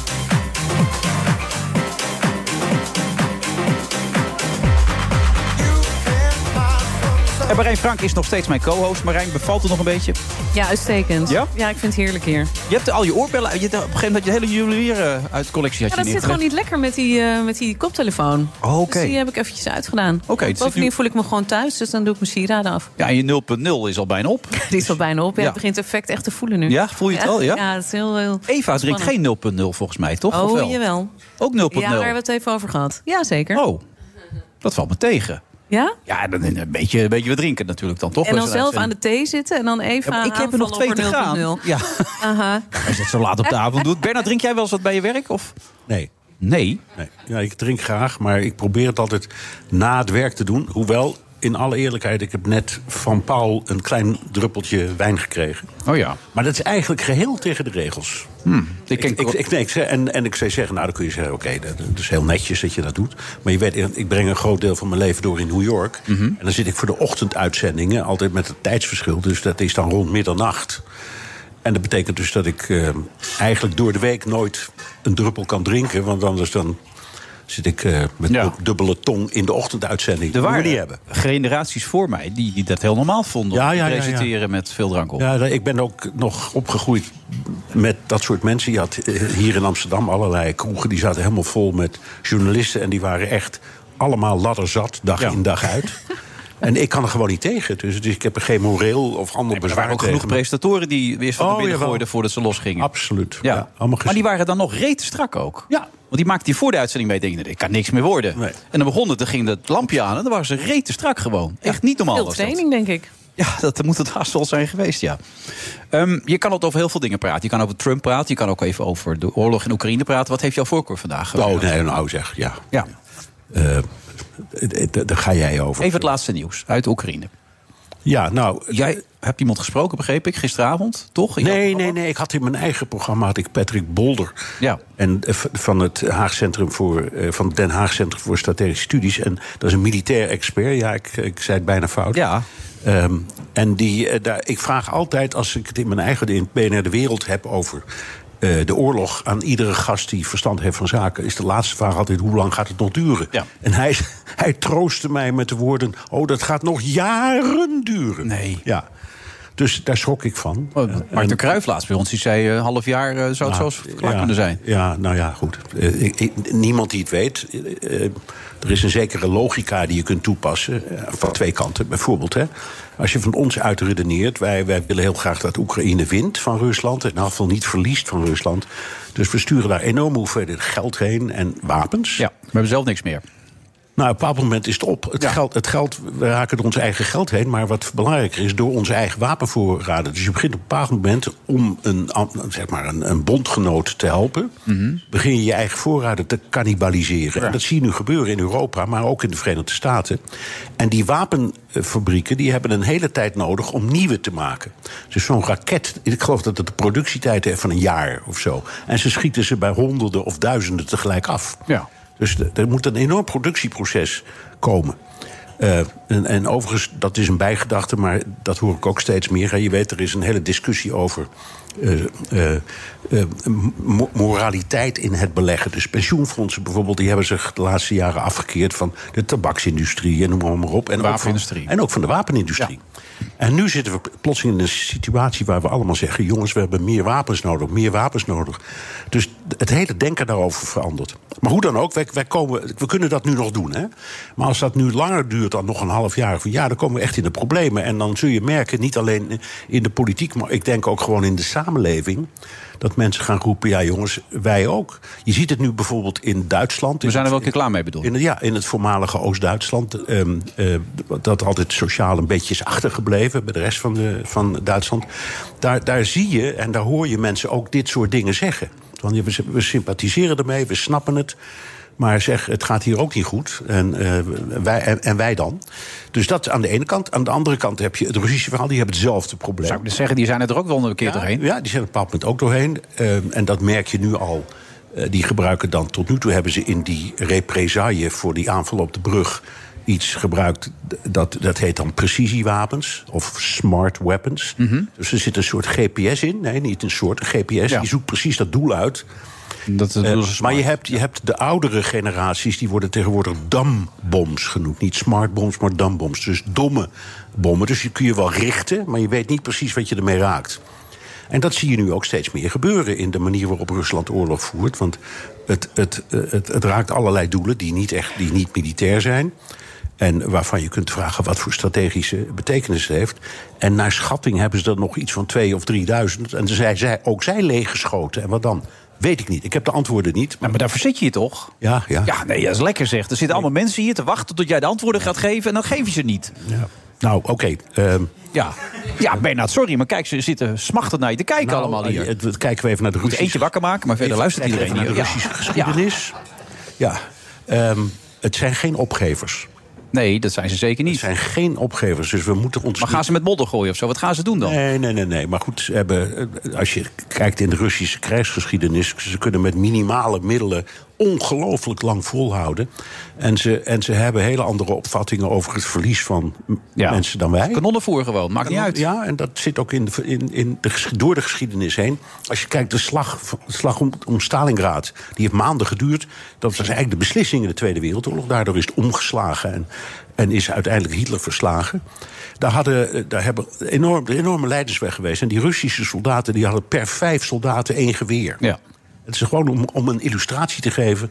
En ze bleven maar dapper doorgaan. En uiteindelijk hebben ze die slag gewonnen. Dus cijfers. Hey, ik heb dat vorige keer ook aan je gevraagd. Ik probeer me steeds voor te stellen, als je met z'n vijven bent, hoe, hoe werkt dat dan? Nou, dat weet ik niet. Nee, dat snap je. Dus dat ik, snap weet ik, ik zou zeggen, Marijn, ga jij me schieten... en dan gaan Wilfred en ik een biertje drinken. Ik weet het niet. Nee, dat zit ik me dus altijd af te vragen. We moeten toch een keer achter zien te Ja, komen. ja, nee, maar dat is zo. Maar goed, het is, als je door de geschiedenis heen kijkt... ehm, eh, eh, de, de slag bij Borodino tegen Napoleon... daar zitten dezelfde verhalen in. En, en, Die heb jij nog meegemaakt? Jazeker, Ja. dus ik was er live bij. Joh. Ja. Ja. ja. Nee, maar ik bedoel, er zit een mentaliteit in. Van opgeven we- hebben ze, ze geven niet geen kaas gegeten. Nee, dus we moeten, Ook niet, is. moeten ni- niet meedoen aan het frame, zal ik maar zeggen, van we kunnen, dit... ehm, we kunnen dit uiteindelijk... Hij is gewoon een hele serieuze zaak, Marijn, dit. Ik bedoel, probeer het een beetje luchtig te maken. Nee, maar het, het, is niet... vrijdagmiddag is. Maar het is natuurlijk wel was super heftig. Dat was ook de, de reden om aan Patrick Bolder die vraag voor te leggen... van hoe lang gaat dat nu du- duren? Want allebei de, de kanten zitten met vergelijkbare problemen. Logistiek, militair... Op basis waarvan denkt hij dat het toch zo lang gaat duren? dan? Ja, nou, omdat uiteindelijk die Russen natuurlijk... Ze zijn uiteindelijk krachtiger dan de Oekraïners. Hoeveel we ze ook geven aan geld en wapens. Eh, die Russen... Maar Erdogan was bezig om het er een staakt vuur van te maken. Maar ja, dat wordt een staakt vuur omdat alles op is. Ja, Daar komt het eigenlijk op neer. zou kunnen, het maakt Ja, niet uit. Ze Als kunnen het- niet meer vuren. Als het hem lukt, prachtig. Dan krijgt hij de Nobelprijs voor de Vrede. Dan krijgt hij van Ietgemar, wordt hij op het schild gehezen. Zou prachtig zijn. In, wat, wat, wat, wat in fe- in feite in die on- onderhandelingen van gisteren hebben ze gepraat, hè, Poetin en Erdogan. Daar is toch iets misgegaan, omdat. Je weet, Erdogan heeft die graandeal overeind getrokken. Hè, dus dat, dat wel graan kan worden geëxporteerd. Vanuit Odessa, toch? Ja, vanuit, ja. via Odessa en, en Mariupol en zo. Ehm, maar de Russen zeggen, we weten niet of we als die deal verloopt in november wel door willen gaan. Want de afspraak was dat we ons graan en onze kunstmest via diezelfde route mee zou kunnen. En dat is niet gebeurd. Dus die hebben de pest in. Ja. Dus daar ging veel mest over. voor. Ik dacht, oké, ze gaan praten over mogelijke onderhandelingen. Maar ze hebben gesproken over graan. Ja, en hij heeft ook nog een tafeltennis met de president van Kazachstan, zag ik, Erdogan. Ja. Met een penhoudersgreep. Heel vreemd was dat. Ja. Niet uit allemaal. Nou, geweldig toch? Ja. Ja. Maar het is een serieuze situatie. Er wordt gezegd dat dit nog jaren gaat duren. Nou ja, ik, ik, ja. Ik, ik, ik vrees dat het, het duurt nog heel lang. En, en nogmaals, het probleem bij ons is niet zozeer de, wil, eh, de, de wilskracht, maar gewoon hebben we het materieel. Ja. En nog wat anders. Hè. Je kunt ook zeggen, hoe bekijk je een wi- winnen of verliezen in een oorlog? Is dat met wapens of met doden of met soldaten? Ga zo maar door. Maar je kunt ook zeggen, wij hebben 17% inflatie. Ja. En we hebben... eh, de, de, de, Een gasrekening voor heb ik met jou daar. gasrekening die bij mij, in mijn flat, is die 75% omhoog. 75% 75% Ja, dus gewoon hier in Amsterdam. Ja. Ehm, dus dat is ook. De vraag is: is Poetin op die manier misschien aan het winnen? Ja, dat is Waar. Dus Heb je- had jij nog een contract, kanten. Marijn? Of is jouw contract ook afgelopen? Ik ben ook de Sjaak. Je bent ja, ook de Maar Sjaak. goed, op zich eh, kunnen we het leiden. Dus het is... eh, Nee, dat is waar. Nou, ik schrok wel hoor. ik ook. Nee, het is... Maar voor andere mensen nog veel vervelender, Ja, dat denk ik ook. Ja. Ja, absoluut. Dankjewel, Bernard. Graag gedaan. En, eh, oh, zo. Onze DJ, DJ Thomas Robson gooit er even een lekkere nieuwe klank in. Hartstikke mooi natuurlijk. Het is natuurlijk nog geen eh, echte dance natuurlijk, hè. Zo'n dance eh, show. Ga je daar wel eens naartoe eigenlijk, of niet? Oef. Nee, dat heb ik echt al heel lang niet gedaan. Wel toen ik jong was. ADE? Amsterdam Dance Event? Nee man, ik ben echt blijven hangen bij de Westergasfabriek in eh, 1995 of zo. Dat was, dat was mij de laatste keer. Ja, Nou, ook leuk. Ja, was heel leuk. Nee, ik ben meer van de bruine kroeg en het ouwe hoeren. Maar ik kan niet zo goed dansen. Nee, je- eh, waar waar komt dat door? Waar komt dat door? Ja, ik denk toch dat het iets met mijn stijve Hollandse heupen te maken heeft. Ehm, nee, en ik, ik schaam me ook heel erg altijd. En ik schaam me niet alleen voor mezelf... maar ik voel ook nog altijd alle plaatsvervangende schaamte... voor de mensen die wel lekker aan het dansen zijn. Ja, dat maakt het allemaal tot een hele zware exercitie uitgaan. Ja, dit is wel pittig dan. Ja, dat is maar waarom pittig. zou je schamen? Je leeft maar één keer, je moet toch die kant op. Uiteindelijk is het afgelopen. Dus Dat is waar. Ja, probeer misschien zou het helpen als maken. ik, eh, als ik die 0.0'tjes een keer aan de kant gooi... dat dat misschien wat bijdraagt aan... Maar eh, toen dronk je geen 0.0 als je in die stond, toch? Nee, toen ging het ook nog best wel goed. Dus toen Ja. ik jong was, lukte het wel. En eh, naarmate ik ouder word... Maar jij dan? Gooi jij de heupen nog wel eens Nou, ik los? ga ook karaoke. Ik ben alle schaamte op een gegeven moment voorbij. Ik, ik- Karaoke doe jij? ja, ja ik, ik moest vorige week nog een gala presenteren.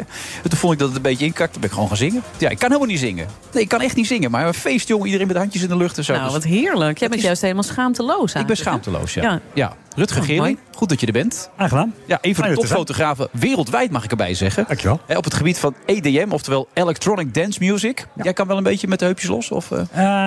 Eh, ik heb al de camera om mijn nek, dus ik heb een excuus om het niet te doen.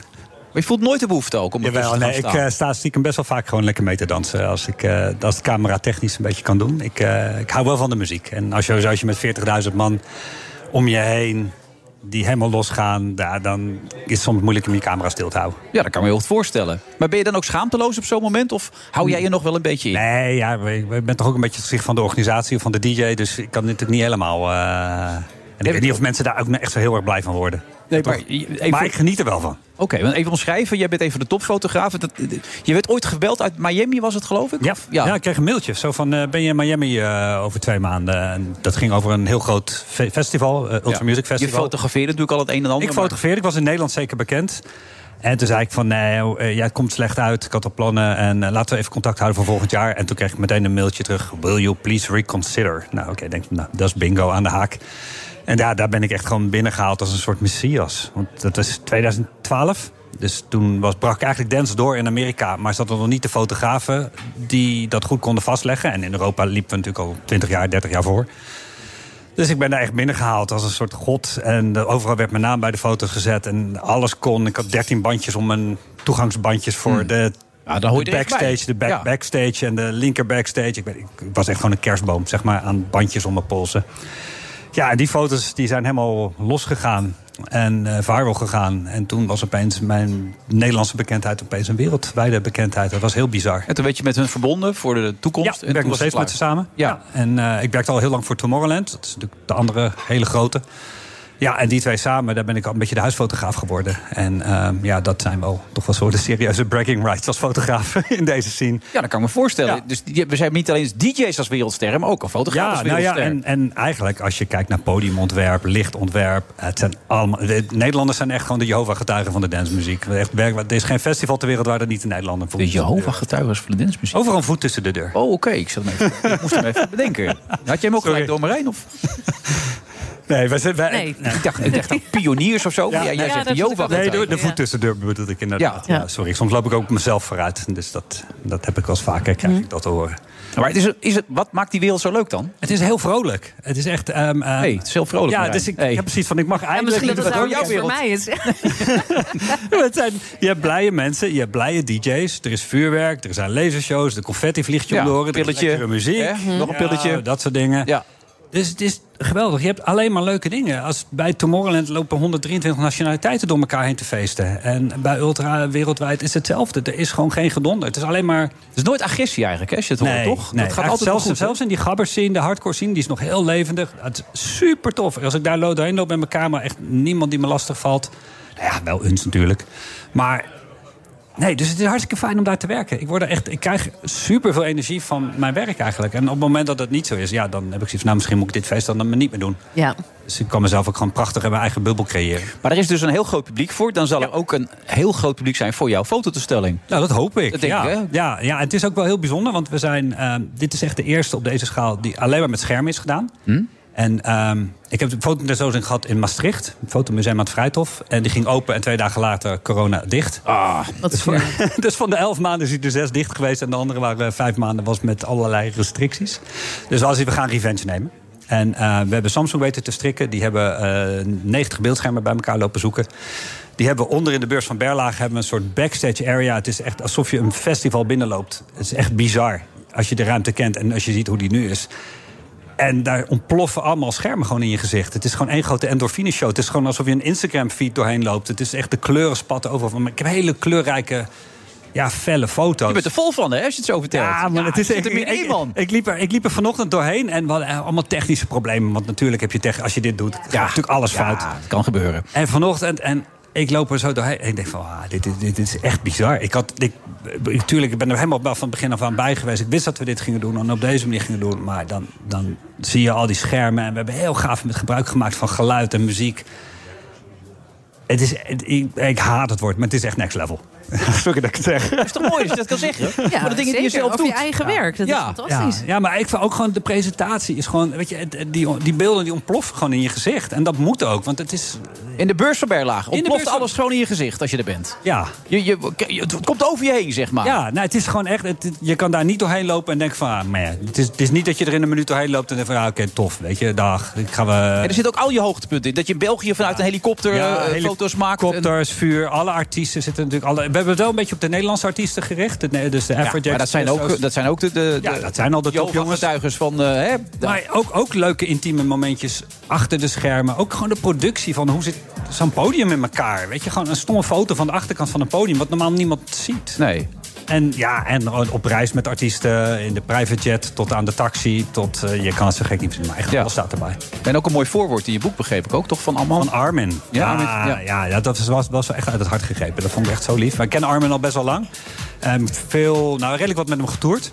Um, nu wat minder, want ik heb zijn tourmanager leren fotograferen. En dat was niet zo handig. Nee, dus dat is supergoed. Dus je hebt geen tourfotograaf meer nodig. Dus daar heb ik mijn eigen glazen bij ingegooid. Ja. Um, ja, ik, uh, hij is heel vol woensdag. Dus ik hoop dat hij er wel bij is bij de grote opening. Uh, maar het wordt nog even spannend. Ja, en kunnen mensen er zo naartoe? Of? Ja, het is, uh, de deuren gaan wel open op maandag. Maar altijd even voorzichtig de eerste dag.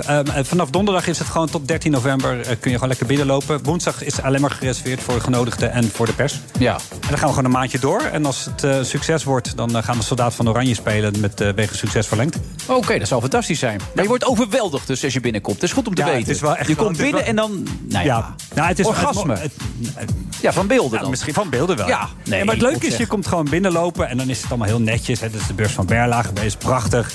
En dan ga je een zwart gordijn achter... en in één keer ben je gewoon niet meer... In de, je bent niet meer op deze planeet. Je bent gewoon echt in een festival. Next level hoor ik wel. Ja, ja. sorry. Mooi buswoord. Rutger Gering. hij, hij heeft het wel verkocht. Ja, zeker. Ik, ja, ja, maar ik, ik, ik ben er ook ben sowieso heel, erg dol op de wc's al in de beurs van Berlage. Ben je daar wel eens geweest? Ongetwijfeld. Wat, wat is daar zo Ja, bijzonder het is aan gewoon echt schitterend. Het is natuurlijk zo'n mooi gebouw. Het is echt een mooi gebouw. Gewoon dat je alleen nog daar mag zijn. Precies. En dan die tentoonstelling erbij. Ja, dat klinkt echt heel goed. Ja, ik ben heel blij. Ik heb er wel een paar keer gepresenteerd in de beurs van Berlage. Maar ik probeer dat toilet even voor mijn ogen te krijgen nu maar. Het is heel groot, heel ouderwets. Ja, het lijkt ook wel een beetje op dit gebouw. Het is echt, een he echt hele mooie wc's. Nou, ik zal er de volgende keer op letten. Ja, Marijn. doe dat. Dankjewel. En Rutger, je ook bedankt. Graag gedaan. En geniet er vooral van. Ja, dat gaat zeker doen. Maar dat ga jij doen. Dat ja, zie ik nu ja, al ja, aan absoluut. je. Ik had, dat gaat jou uh, lukken. De, die technische problemen zijn, uh, we zijn er nu een beetje overheen. En nu is het zo langzaam, gaan we de goede kant op. En uh, ja, ik heb heel veel zin in volgende week. Oké, okay, dankjewel. Diederik Jekel zometeen. En Daniel Verlaan nog na zessen. Tot zo. The Friday Move wordt mede mogelijk gemaakt door TUI. Live happy. De Friday Move is op zoek naar een co-sponsor. Naast onze trouwe sponsor natuurlijk Toei. Had ik al Toei gezegd? Toei, toch? Ja, Toei. Wilt u de luisteraars van de gezelligste vrijdagmiddagborrel van Nederland bereiken? Neem dan contact op met de FD Mediagroep via fdmg.nl slash contact. Dan spreken we elkaar snel. Tech means business op TBX. Ervaar hoe de tech-evolutie je bedrijf beïnvloedt... en vind op het TBX-event de IT-oplossingen... om je bedrijf toekomstbestendig te maken. TBX, Jaarbeurs Utrecht, 2 en 3 november. Gratis tickets op tbxevent.com. Hey ondernemer, zorg voor een sterke financiële basis en meer omzet... door je facturatie, debiteurenbeheer of incasso... uit te besteden aan de Nova Groep. De Nova Groep? Ja, de Nova Groep. Kijk op novagroep.nl. Feel the impact. TBX. 2 en 3 november. Gratis tickets op tbxevent.com. Uw organisatie heeft een identiteit. Maar past de schrijfstijl van uw organisatie ook bij die identiteit? Lo van Eck ontwikkelde het Schrijfstijlkompas. Hiermee ontwerpt u een schrijfstijl die naadloos aansluit op uw identiteit. Ga naar schrijfstijlkompas.nl. Elke week een nieuw baanbrekend businessmodel. is wel buitengewoon knap als je dit voor elkaar krijgt. Over bedrijven die het spel slimmer spelen. Duolingo heeft die code gekraakt. Live valideren op de radio. Op zoek naar het juiste klantsegment, de goede prijsstelling en een dijk van een propositie. En als je me zo vertelt, dan begrijp ik hem eigenlijk veel beter. Baanbrekende businessmodellen. Elke woensdag tussen half drie en drie op BNR en altijd online op elk bekend podcastkanaal. Baanbrekende businessmodellen wordt mede mogelijk gemaakt door Salesforce. Verenig je rond je klant met Salesforce. Het Schrijfstijlkompas is een product van Lo van Eck. De grootste opleider in schrijven. FC Cambuur krijgt een nieuw stadion. 15.000 stoeltjes, nul op de meter en onderdeel van de hele gebiedsontwikkeling in Hartje Leeuwarden. De gast is Van Wijnen, dat het project ontwikkelt en bouwt. Maandagavond om 7 uur in BNR Vastgoed Gezocht. Vastgoed Gezocht wordt gesponsord door Mogelijk Vastgoedfinancieringen. Nog sneller groeien met jouw webshop? Mis dan niets van Sterk Online. Met deze podcast van Channable ontdek je hoe je met één klik duizenden nieuwe klanten bereikt. Luister via BNR of je favoriete podcast-app. Hoe ondernemers hun droom waarmaken met behulp van vastgoedfinanciering... hoor je in de podcast Het Geld en de Stenen van Mogelijk. Te vinden op bnr.nl en je favoriete podcast-app. Katteken in elk gangbaar bestand? Stap over op Brikskat. Kijk op katkoop.nl. De kudde gaat alleen samen vooruit. Het tempo en de richting ligt bij de koersbepalers. Voor hen zijn er de FD Gazellen. De awards voor de snelst groeiende bedrijven van Nederland. Hoe hebben ze de kudde vooruit geholpen? Welke obstakels hebben ze overwonnen? En welke uitdagingen staan er nog? Lees en luister alles over de koersbepalers op fd.nl slash gazelle. FD Gazelle 2022 is een initiatief van het Financiële Dagblad... in samenwerking met Logitech en Uniek. Kijk verder. Uniek.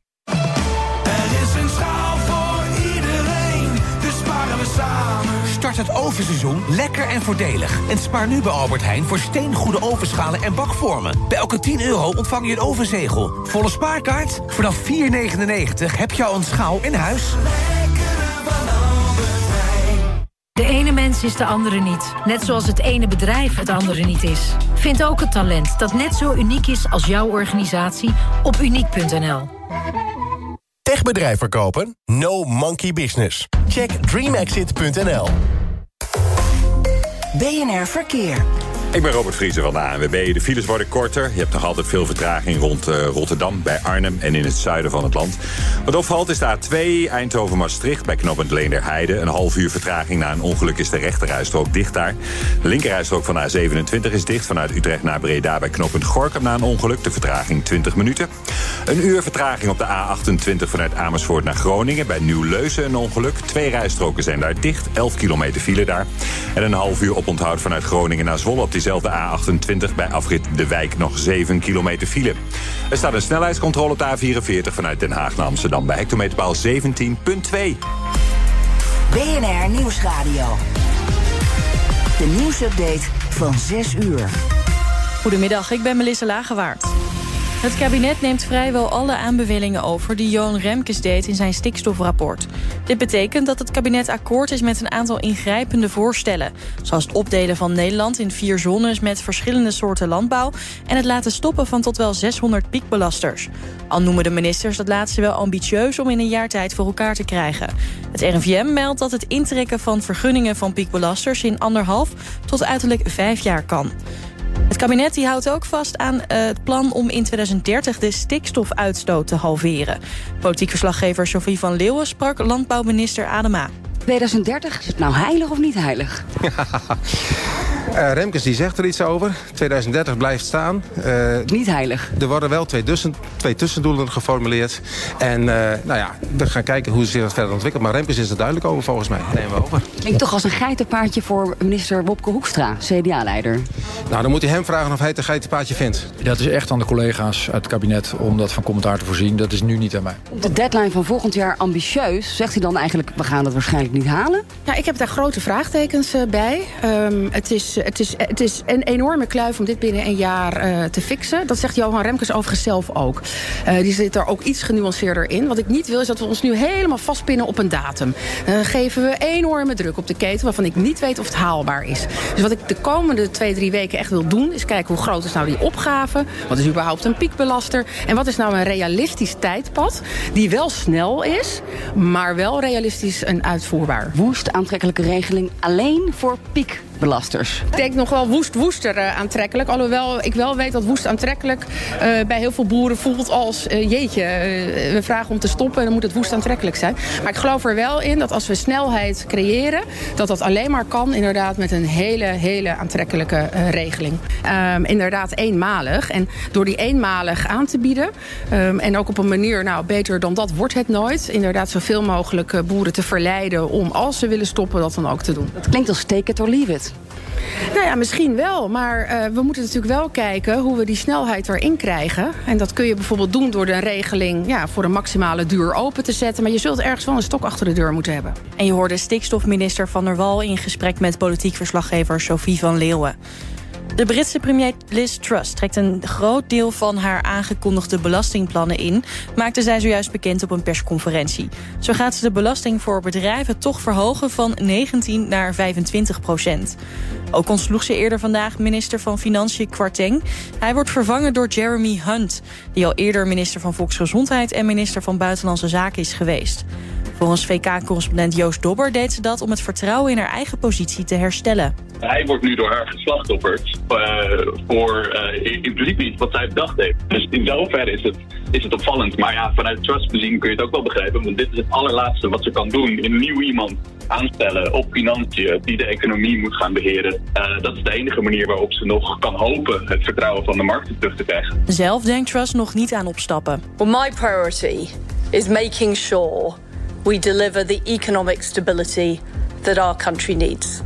That's why I had to take the difficult decisions I've taken today. De politieke ontwikkelingen vallen samen met het stoppen van het opkopen van staatsobligaties door de Britse Centrale Bank.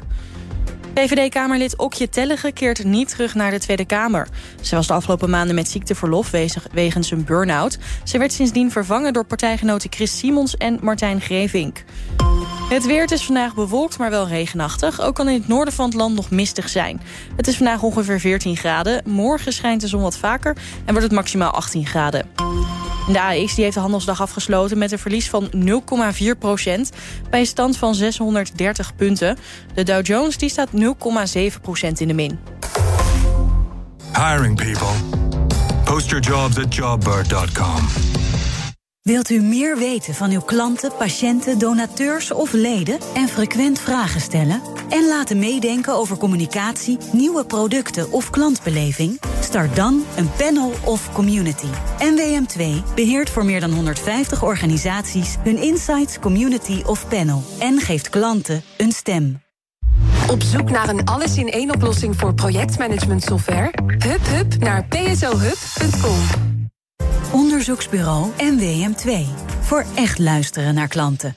Van de energietransitie tot aan maatschappelijk verantwoord ondernemen. In Koplopers van BNR Nieuwsradio gaan we geen enkele duurzame uitdaging uit de weg. Ik ben Donatello Piras en samen met co-host en klimaatexpert Werner Schouten... spreek ik elke week mensen die het verschil maken voor een duurzame toekomst. Iedere maandag om half vier op de radio en in jouw favoriete podcast-app. Koplopers is een initiatief van BNR Nieuwsradio en Change Inc. En wordt mede mogelijk gemaakt door Renewy.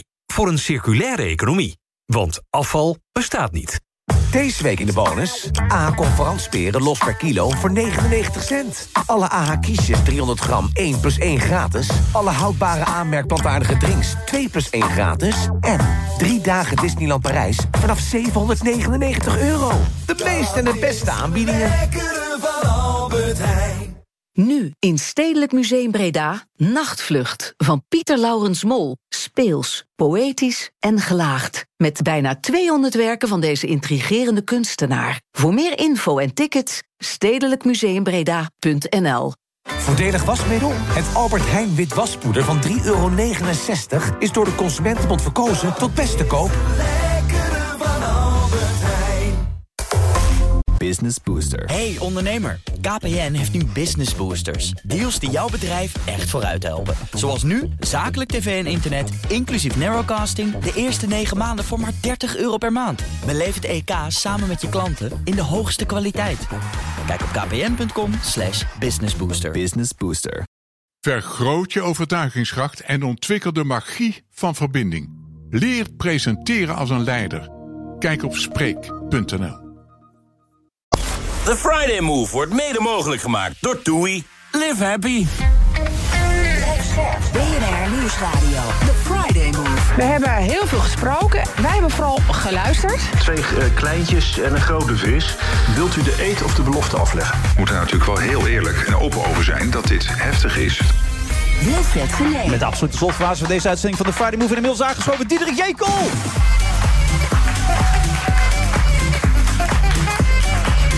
Er liggen nog steeds een paar mensen op apengaven hier... maar die weten toch steeds zo ver te krijgen om even enthousiast te reageren. En ook uh, Marijn is nog steeds. Marijn, vind je het nog een beetje leuk allemaal? Ja, ik heb zit net een koekje weg te werken. Dat plakt nog een beetje voor Hamilton, maar verder vind ik het heel erg leuk. Ja, zo nu en dan is het een beetje zwaar deze uitzending. Gelukkig is er hier en daar ook nog wat lichtheid in het bestaan, hè? Toch? Um, jawel, jawel. Zolang er wat te eten is, uh, zie ik het altijd nog wel zitten. Oh, er moet wat besteld worden, begrijp ik. Paul, Paul nog wat eten als het kan, heel graag. Diederik hartelijk welkom. Dankjewel, dankjewel. Hoe is jouw gemoed vandaag? Uh, heerlijk, ja, het is een beetje, een beetje slecht weer. Maar uh, verder is het hier heel behagelijk en gezellig. Dus, ja. Het, maar heb jij een zwaar gemoed, normaal gesproken? Of ben je wel van de lichtheid? Nee, ik ben wel, wel van de lichtheid. Ik ben, ik ben wel echt een, een, een, een, een softie wat dat betreft. Ik kan ook helemaal niet zo goed tegen verdrietige films of zo. Oh. Ik heb daar, daar, daar, heb ik, daar hou ik helemaal niet van. Hou je daar niet van? Nee, ik kan daar echt heel slecht tegen. Dus ik, ik ben echt gewoon iemand die heel erg positief... en uh, is genoeg gedoe, gedoe in het leven. Dus, uh, je zat gelijk te lachen, Marijn. Waarom zit je nou te lachen dan? Nou ja, ik heb natuurlijk de meest verdrietige film aller tijden wel ongeveer wow. gemaakt. Ja. dus uh, nou, dat is dan in ieder geval niks voor jou. Maar ik ben wel benieuwd, hou je dan niet van verdrietige films... Um, omdat je er down en out van raakt? Of wil je gewoon met, niet met de sombere kant van het leven bezighouden?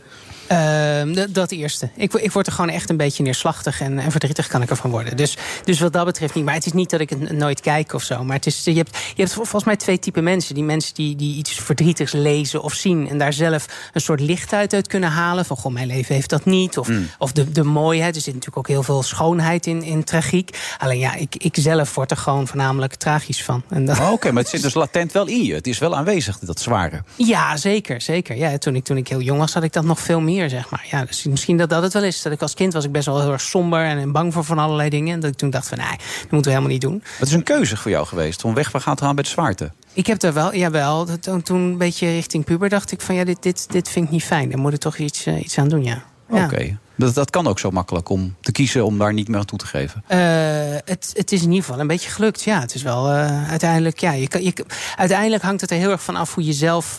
Um, kijk, de dingen die, meemaken, die je meemaakt, is natuurlijk wat je er zelf op plakt voor, voor een emotionele lading. Een, een beetje. Ik bedoel, op het moment dat ik mijn teenstoot net nadat ik een miljoen euro heb gewonnen. Of op het moment dat ik mijn teenstoot op het moment dat mijn, mijn vrouw net de relatie uitgemaakt zou hebben. Ja. Dan, dan doet het echt meer of minder pijn, afhankelijk van wat er voor gebeurd is. Dus een feitelijke gebeurtenis, daar kan je wel enigszins in bepalen hoe dat op je binnenkomt. Is dit nou een wetenschappelijke uitleg die je hier geeft?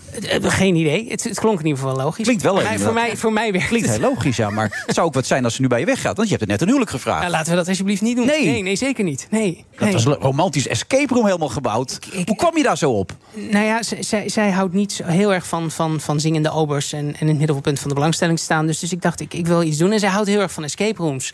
En dat doen we samen graag. En um, dus ik dacht van, nou, laat ik er eentje voor haar maken... die over ons leven gaat in, uh, in, in Zaltbommel en onze toekomst. En die zij dan moet redden met een soort allemaal standbeelden verzamelen van heiligen... en die op, met UV-verf op allerlei plekken neerzetten... en allerlei spannende dingen. Um, en elektronische sloten. En dat, dat was superleuk. Oh, wat lief zeg. Doet jouw man nog spannende dingen op dat gebied? ik durf het bijna niet te zeggen, maar we waren vorige week 15 jaar bij elkaar. Mm. En... Uh, er stond een bos bloemen op tafel. Dus oh schat, wat heb je prachtige bloemen gehaald? Ze, ja, we zijn 15 jaar bij elkaar. En dat uh, was ik straal vergeten. Ook aan. Dus um, niet echt een goede beurt gemaakt. Maar ja, zo'n verhaal, dat, dat klinkt voor mij echt uh, ja, onvoorstelbaar... dat er dit soort mannen zijn. Uh, nou, ja, nou ja, maar hij heeft wel meer een bosbloem in ieder geval neergezet. Dus het was, was, maar het is meer, ik, ik vind, vind het gewoon heel erg leuk om, om dat te doen. Maar ik, ik schrijf ook romantische comedies. Uh, ik vind dat gewoon leuk om daarmee bezig te zijn. En te kijken of je dat een beetje in real life kan doen. Ja. ja. Je probeert het leven gewoon kleur te geven. Dat is belangrijk. En dat probeer je ook met de theatervoorstelling, toch? Ja. Om mensen te enthousiasmeren en... En? En te informeren. En te informeren. Te informeren, ja, hoor. Ja, hoor, daar zijn we. Ja. Hoe, hoe, gaat dat, hoe ziet dat eruit eigenlijk, die voorstelling? Eerste hulp bij moeilijke onderwerpen. Je maakt er ook een tv-programma over. Daar zijn de critici een beetje verdeeld over. Hè. Sommige mensen vinden het te, ingewikkeld en te langdradig. En anderen zeggen, ja, het is leuk dat je dat zo doet. Al die oude proeven van vroeger terug. Ja, ehm, dat, ja de, de mening is overdeeld. Nou, de Volkskrant was er voornamelijk negatief over. De, de rest was er positief. Ja, maar, maar ja, critici, man, laat ze lullen, joh. Is ook zo. Nee, maar um, uh, ja, dat was dus echt in de, in de huid kruipen van de grootste Nederlandse experimenten die we ooit gedaan hebben. Dat was een beetje met een knipoog, een beetje chauvinistisch en gewoon vette experimenten doen. Ja. Maar die, die voorstelling, dat is echt een beetje dat ik ga proberen om. Um, het, ja, op dit moment rennen we een beetje van crisis naar crisis in, in Nederland. Weet je wel, er is een bouwstop en dan is het weer vanwege PFAS, dan is het weer weer stikstof, klimaat, weet ik veel. Allerlei narigheid. En het vervelende is, we moeten er allemaal wat van vinden. Bij het koffiezetapparaat hebben mensen het ineens over kritische depositiewaardes. Mm -hmm. En dan denk je, ja, weet ik veel. Uh, ik, ben, ik ben geen boer. Um, dus ik, ik, dacht, misschien is het wel leuk om, om een avond te doen waarop je eigenlijk alle onderwerpen met elkaar bespreekt. Uh, waar je normaal vreselijk veel ruzie over krijgt op het kerstdiner.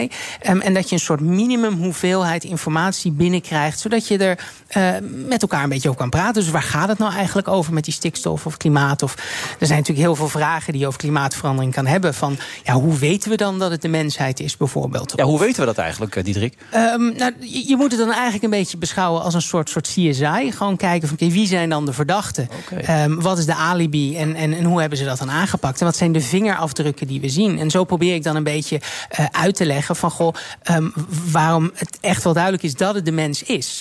Um, zodat we dan op een gegeven moment het over kunnen hebben van goh, wat zullen we dan met elkaar aan gaan doen? Want dat, dat is uiteindelijk niet een wetenschappelijke keuze. Dat is gewoon wat wij met elkaar moeten besluiten. Dat is een politieke keuze. Ja, mensen mogen ook vooraf vragen al inleveren, begrijp ik toch? Zeker, ja. zeker. Ja. Dat doen ze ook in grote getal? Uh, ja, ja, absoluut. Een paar, paar tientallen vragen per voorstelling. Dus ja. is leuk. Lijkt het jou wat, Marijn, als je het zo hoort? Ja, het lijkt me fantastisch. Het is altijd prettig om uh, feiten te hebben om een discussie mee te voeren. Dus het klinkt alsof dit, uh, dit heel goed is. Normaal ga ik dat soort gesprekken namelijk altijd aan de weg of uit de weg, omdat je vaak verzand raakt in een soort vreselijke. die heeft dat gehoord en die heeft dat een keer gezien ergens. Mm -hmm. En ja dan kun je gewoon niet echt een gesprek voeren. Dus doe ik dat dan maar. Maar bij Diederik neem je het serieus wat hij allemaal weet. Eigenlijk wel, ja. Daar komt het eigenlijk op neer. Het, nou ja, Ja. Ik, dat, dat is heel lief. Ik, ik, denk, ik denk niet dat ik, dat ik dat helemaal weg kan halen. Het vervelende is natuurlijk dat dat, dat soort wel eens niet is dingen er al- altijd zullen blijven zijn. En als ik met mensen praat die het echt niet met me eens zijn, dan probeer ik voornamelijk erachter te komen eh, hoe, hoe, hoe zij aan hun informatie komen, welke informatie ze hebben. En dan uitleggen waarom ik daar zelf anders in sta. Eh, met, met het liefst geen waardeoordeel naar de ander. Want ik bedoel, eh, uiteindelijk weet ik natuurlijk ook niet alles. Maar ik heb in ieder geval geprobeerd om dit verhaal allemaal gewoon zo objectief mogelijk inderdaad te doen. En, en ook gewoon dat het een beetje leuk is en lachen. Hoe hou je dat leuk dan? Hoe doe je dat? Um, nou ja, kijk, als je dus inderdaad gewoon, gewoon beschouwt. Kijk, dus mensen zeggen dan van goh, uh, praat elkaar allemaal na van het is de mens. Uh, maar, maar is dat wel zo? Maken we elkaar niet, niet hysterisch gek? En dan een beetje dat soort voorbeelden laten zien hoe we elkaar gek maken. Uh, maar ook gewoon uitleggen, naar aanleiding van een, een politieopsporingsbericht of wat dan ook, van hoe je dan dus daarachter kan komen of het de mens is of niet.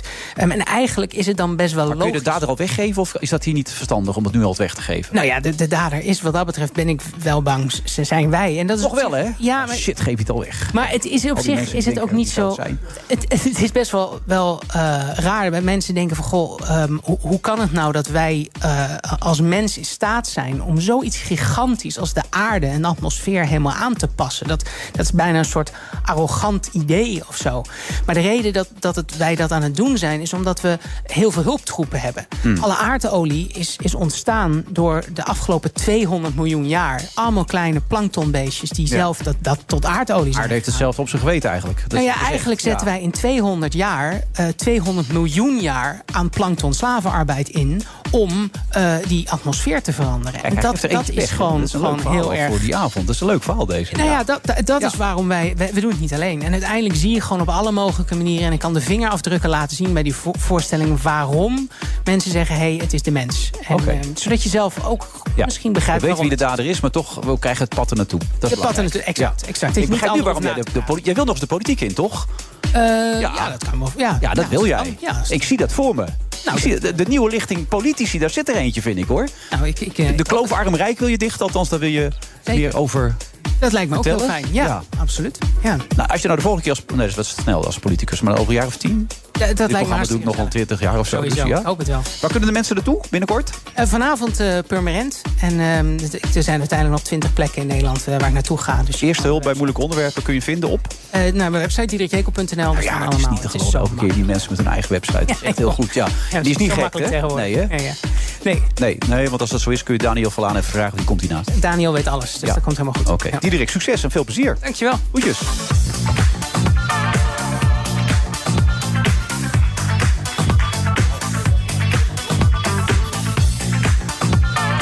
Een bijzonder moment. We kregen inderdaad spontaan applaus. Zonder dat Paul de, van der Linden zich ermee had bemoeid, onze producer.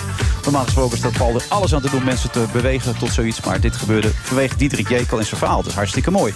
Inmiddels aangeschoven Daniel Verlaan. Eh, ja, onderzoeksjournalist. Mag ik je zo weten? Eh, ja, toch? Onderzoeksjournalist. Ja, klik was chic, hè? Echt journalist, zo klinkt het ook wel. En wat ik net vernomen heb in de wandelgangen, Daniel. Jij bent fan. En niet een klein beetje. Jij bent groot fan van de dame naast mij, Marijn. Hoe zit dat? Hoe, hè? Hoe weet jullie? Ja, dat, dat lekt hier Oh, allemaal uit. Ja. Nee, alles lekt hieruit Ik ben natuurlijk. een beetje starstruck. Ja. Oh, jee. Ja, hallo. Ik vond je, ik vond je vleesverlangen ook echt geweldig. Oh, nou, leuk. En, en die werkt voor cursus van waarde. Maar ik, ja, nee, dat, kon- ja, nee, ik word een beetje ongemakkelijk altijd. Als ik mensen... Die, ik zie er dan heel vaak op tv en denk ik, wow. Zeg maar, cool. Ja? Ik vind, Wow, ja, vind ik gewoon heel dan? cool. Ja, ik weet niet. Ik ben een beetje starstruck altijd met bekende mensen. Dus vandaar. Ja, hallo. Leuk kennis te maken. Ja, insgelijks. Rustig aan hoor, ik doe niks Nee, nee, nee, nee, nee, nee, nee. Heb je het ook bij Daniel als je hem nu ziet? Eh, nou, bij Daniel zie ik dat hij techjournalist is. En ik, mijn eh, Facebook-account is een paar jaar geleden gehackt. En het is me nooit gelukt om dat terug te krijgen. Dus misschien dat we daar zo meteen nog even een boom over op kunnen zetten. Zeker. Dat kan ik wel terugkrijgen, hoor. Ja? Ja, geen probleem. Daniel gaat het vandaag nog regelen. dat zie ik zo. Daniel, hoe gaat het verder met je? Ja, heel goed. Heel goed. Ik heb een beetje verdiept in je. Je hebt toch een wat moeilijkere periode gekend op een gegeven moment. Ook na al die prijzen die je gewonnen had. En dat Oh. je even jezelf terug moest vinden. Nou, dat klinkt wel alsof, alsof die Ja. prijzen... Nee, nee, nee. Ja, nee, dat was door, eh, door, eh, door wat nare onderzoeken eh, kreeg ik wat, wat dingen niet... Toen, hè, in die periode. Ja, Ja. dat ging niet zo lekker nee toen. Maar, maar dat, is al, dat is alweer een paar jaar geleden. Dus dat is, en daar, daar, daar leer je ook wel goed mee te leven hoor. En, met therapie en dat soort dingen. Dus dat, Ja. is, dat is helemaal voorbij hoor. Dat is echt geen probleem. Wat heeft je ook anders doen de kijken naar het leven? Alles, alles wat er toen met je Mm. gebeurde? Nee, nee, nee, nee. Maar je bent wel gewoon wat, wat meer bewuster van de gevaren die het leven brengt, zeg maar. Eh, dus ik, ik, ik duik natuurlijk voor, voor mijn werk in, in allerlei eh, nare zaken. Ja. Dus je gaat dan wel wat, ehm, nou, wat achterdochtiger leven, laat ik zo zeggen. En dat is Ja. op zich helemaal niet zo slecht. Denk ik. Maar eh, dat moet je in je privéleven proberen te voorkomen natuurlijk. Hoe doe je dat dan? Ehm, nou, ik hou mijn sociale kring klein en, en fijn daarmee ook. Dus ik probeer het op die manier ook te doen. Ehm, en vooral niet, niet daar ook, ook te veel over te delen. Nee.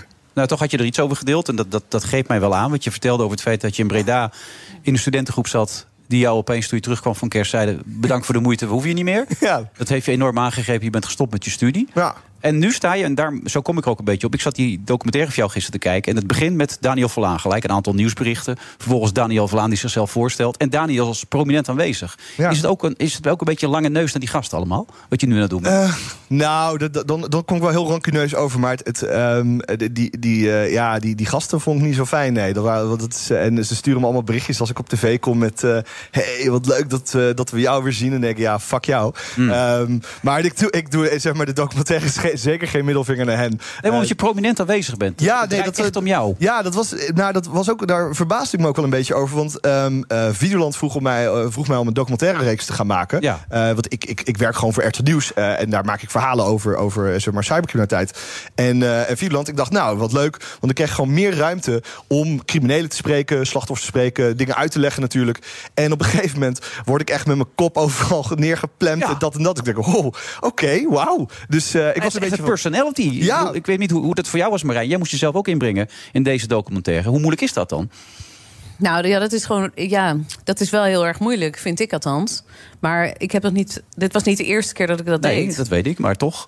Eh, dus ik heb daar al mee geoefend vanaf de filmacademie Maar het eigenlijk. lijkt me zo lastig om het evenwicht erin te vinden. Hoeveel je van jezelf erin stopt en Ja. van de ander. En, en in jouw geval natuurlijk ook, want je spreekt met veel mensen. Maar je bent behoorlijk aanwezig. Ja, ja ik, ik moest ook wel mensen interviewen. Dat, dat, dat doe ik eigenlijk nooit. Zeg maar, wa- wa- wat jij doet, dat doe ik eigenlijk niet. Dus eh, ik, spreek vooral, ja, ik spreek vooral criminelen. En dat, Ik spreek vooral criminelen. Ja, dat, doe ik minder. Ja, dat, is klopt, wat, ja. dat is wat minder interviewen. Dat is gewoon meer praten. Ja. Eh, en nu moet je opeens ehm, slachtoffers interviewen. En, en ook de juiste vragen op de juiste momenten proberen. Ze hebben allemaal zo'n bivakmuts op, een hele rare stem. Ja, Ja, dat nog, ja. soms wel, ja. Dus dan kan je ook lastig lezen.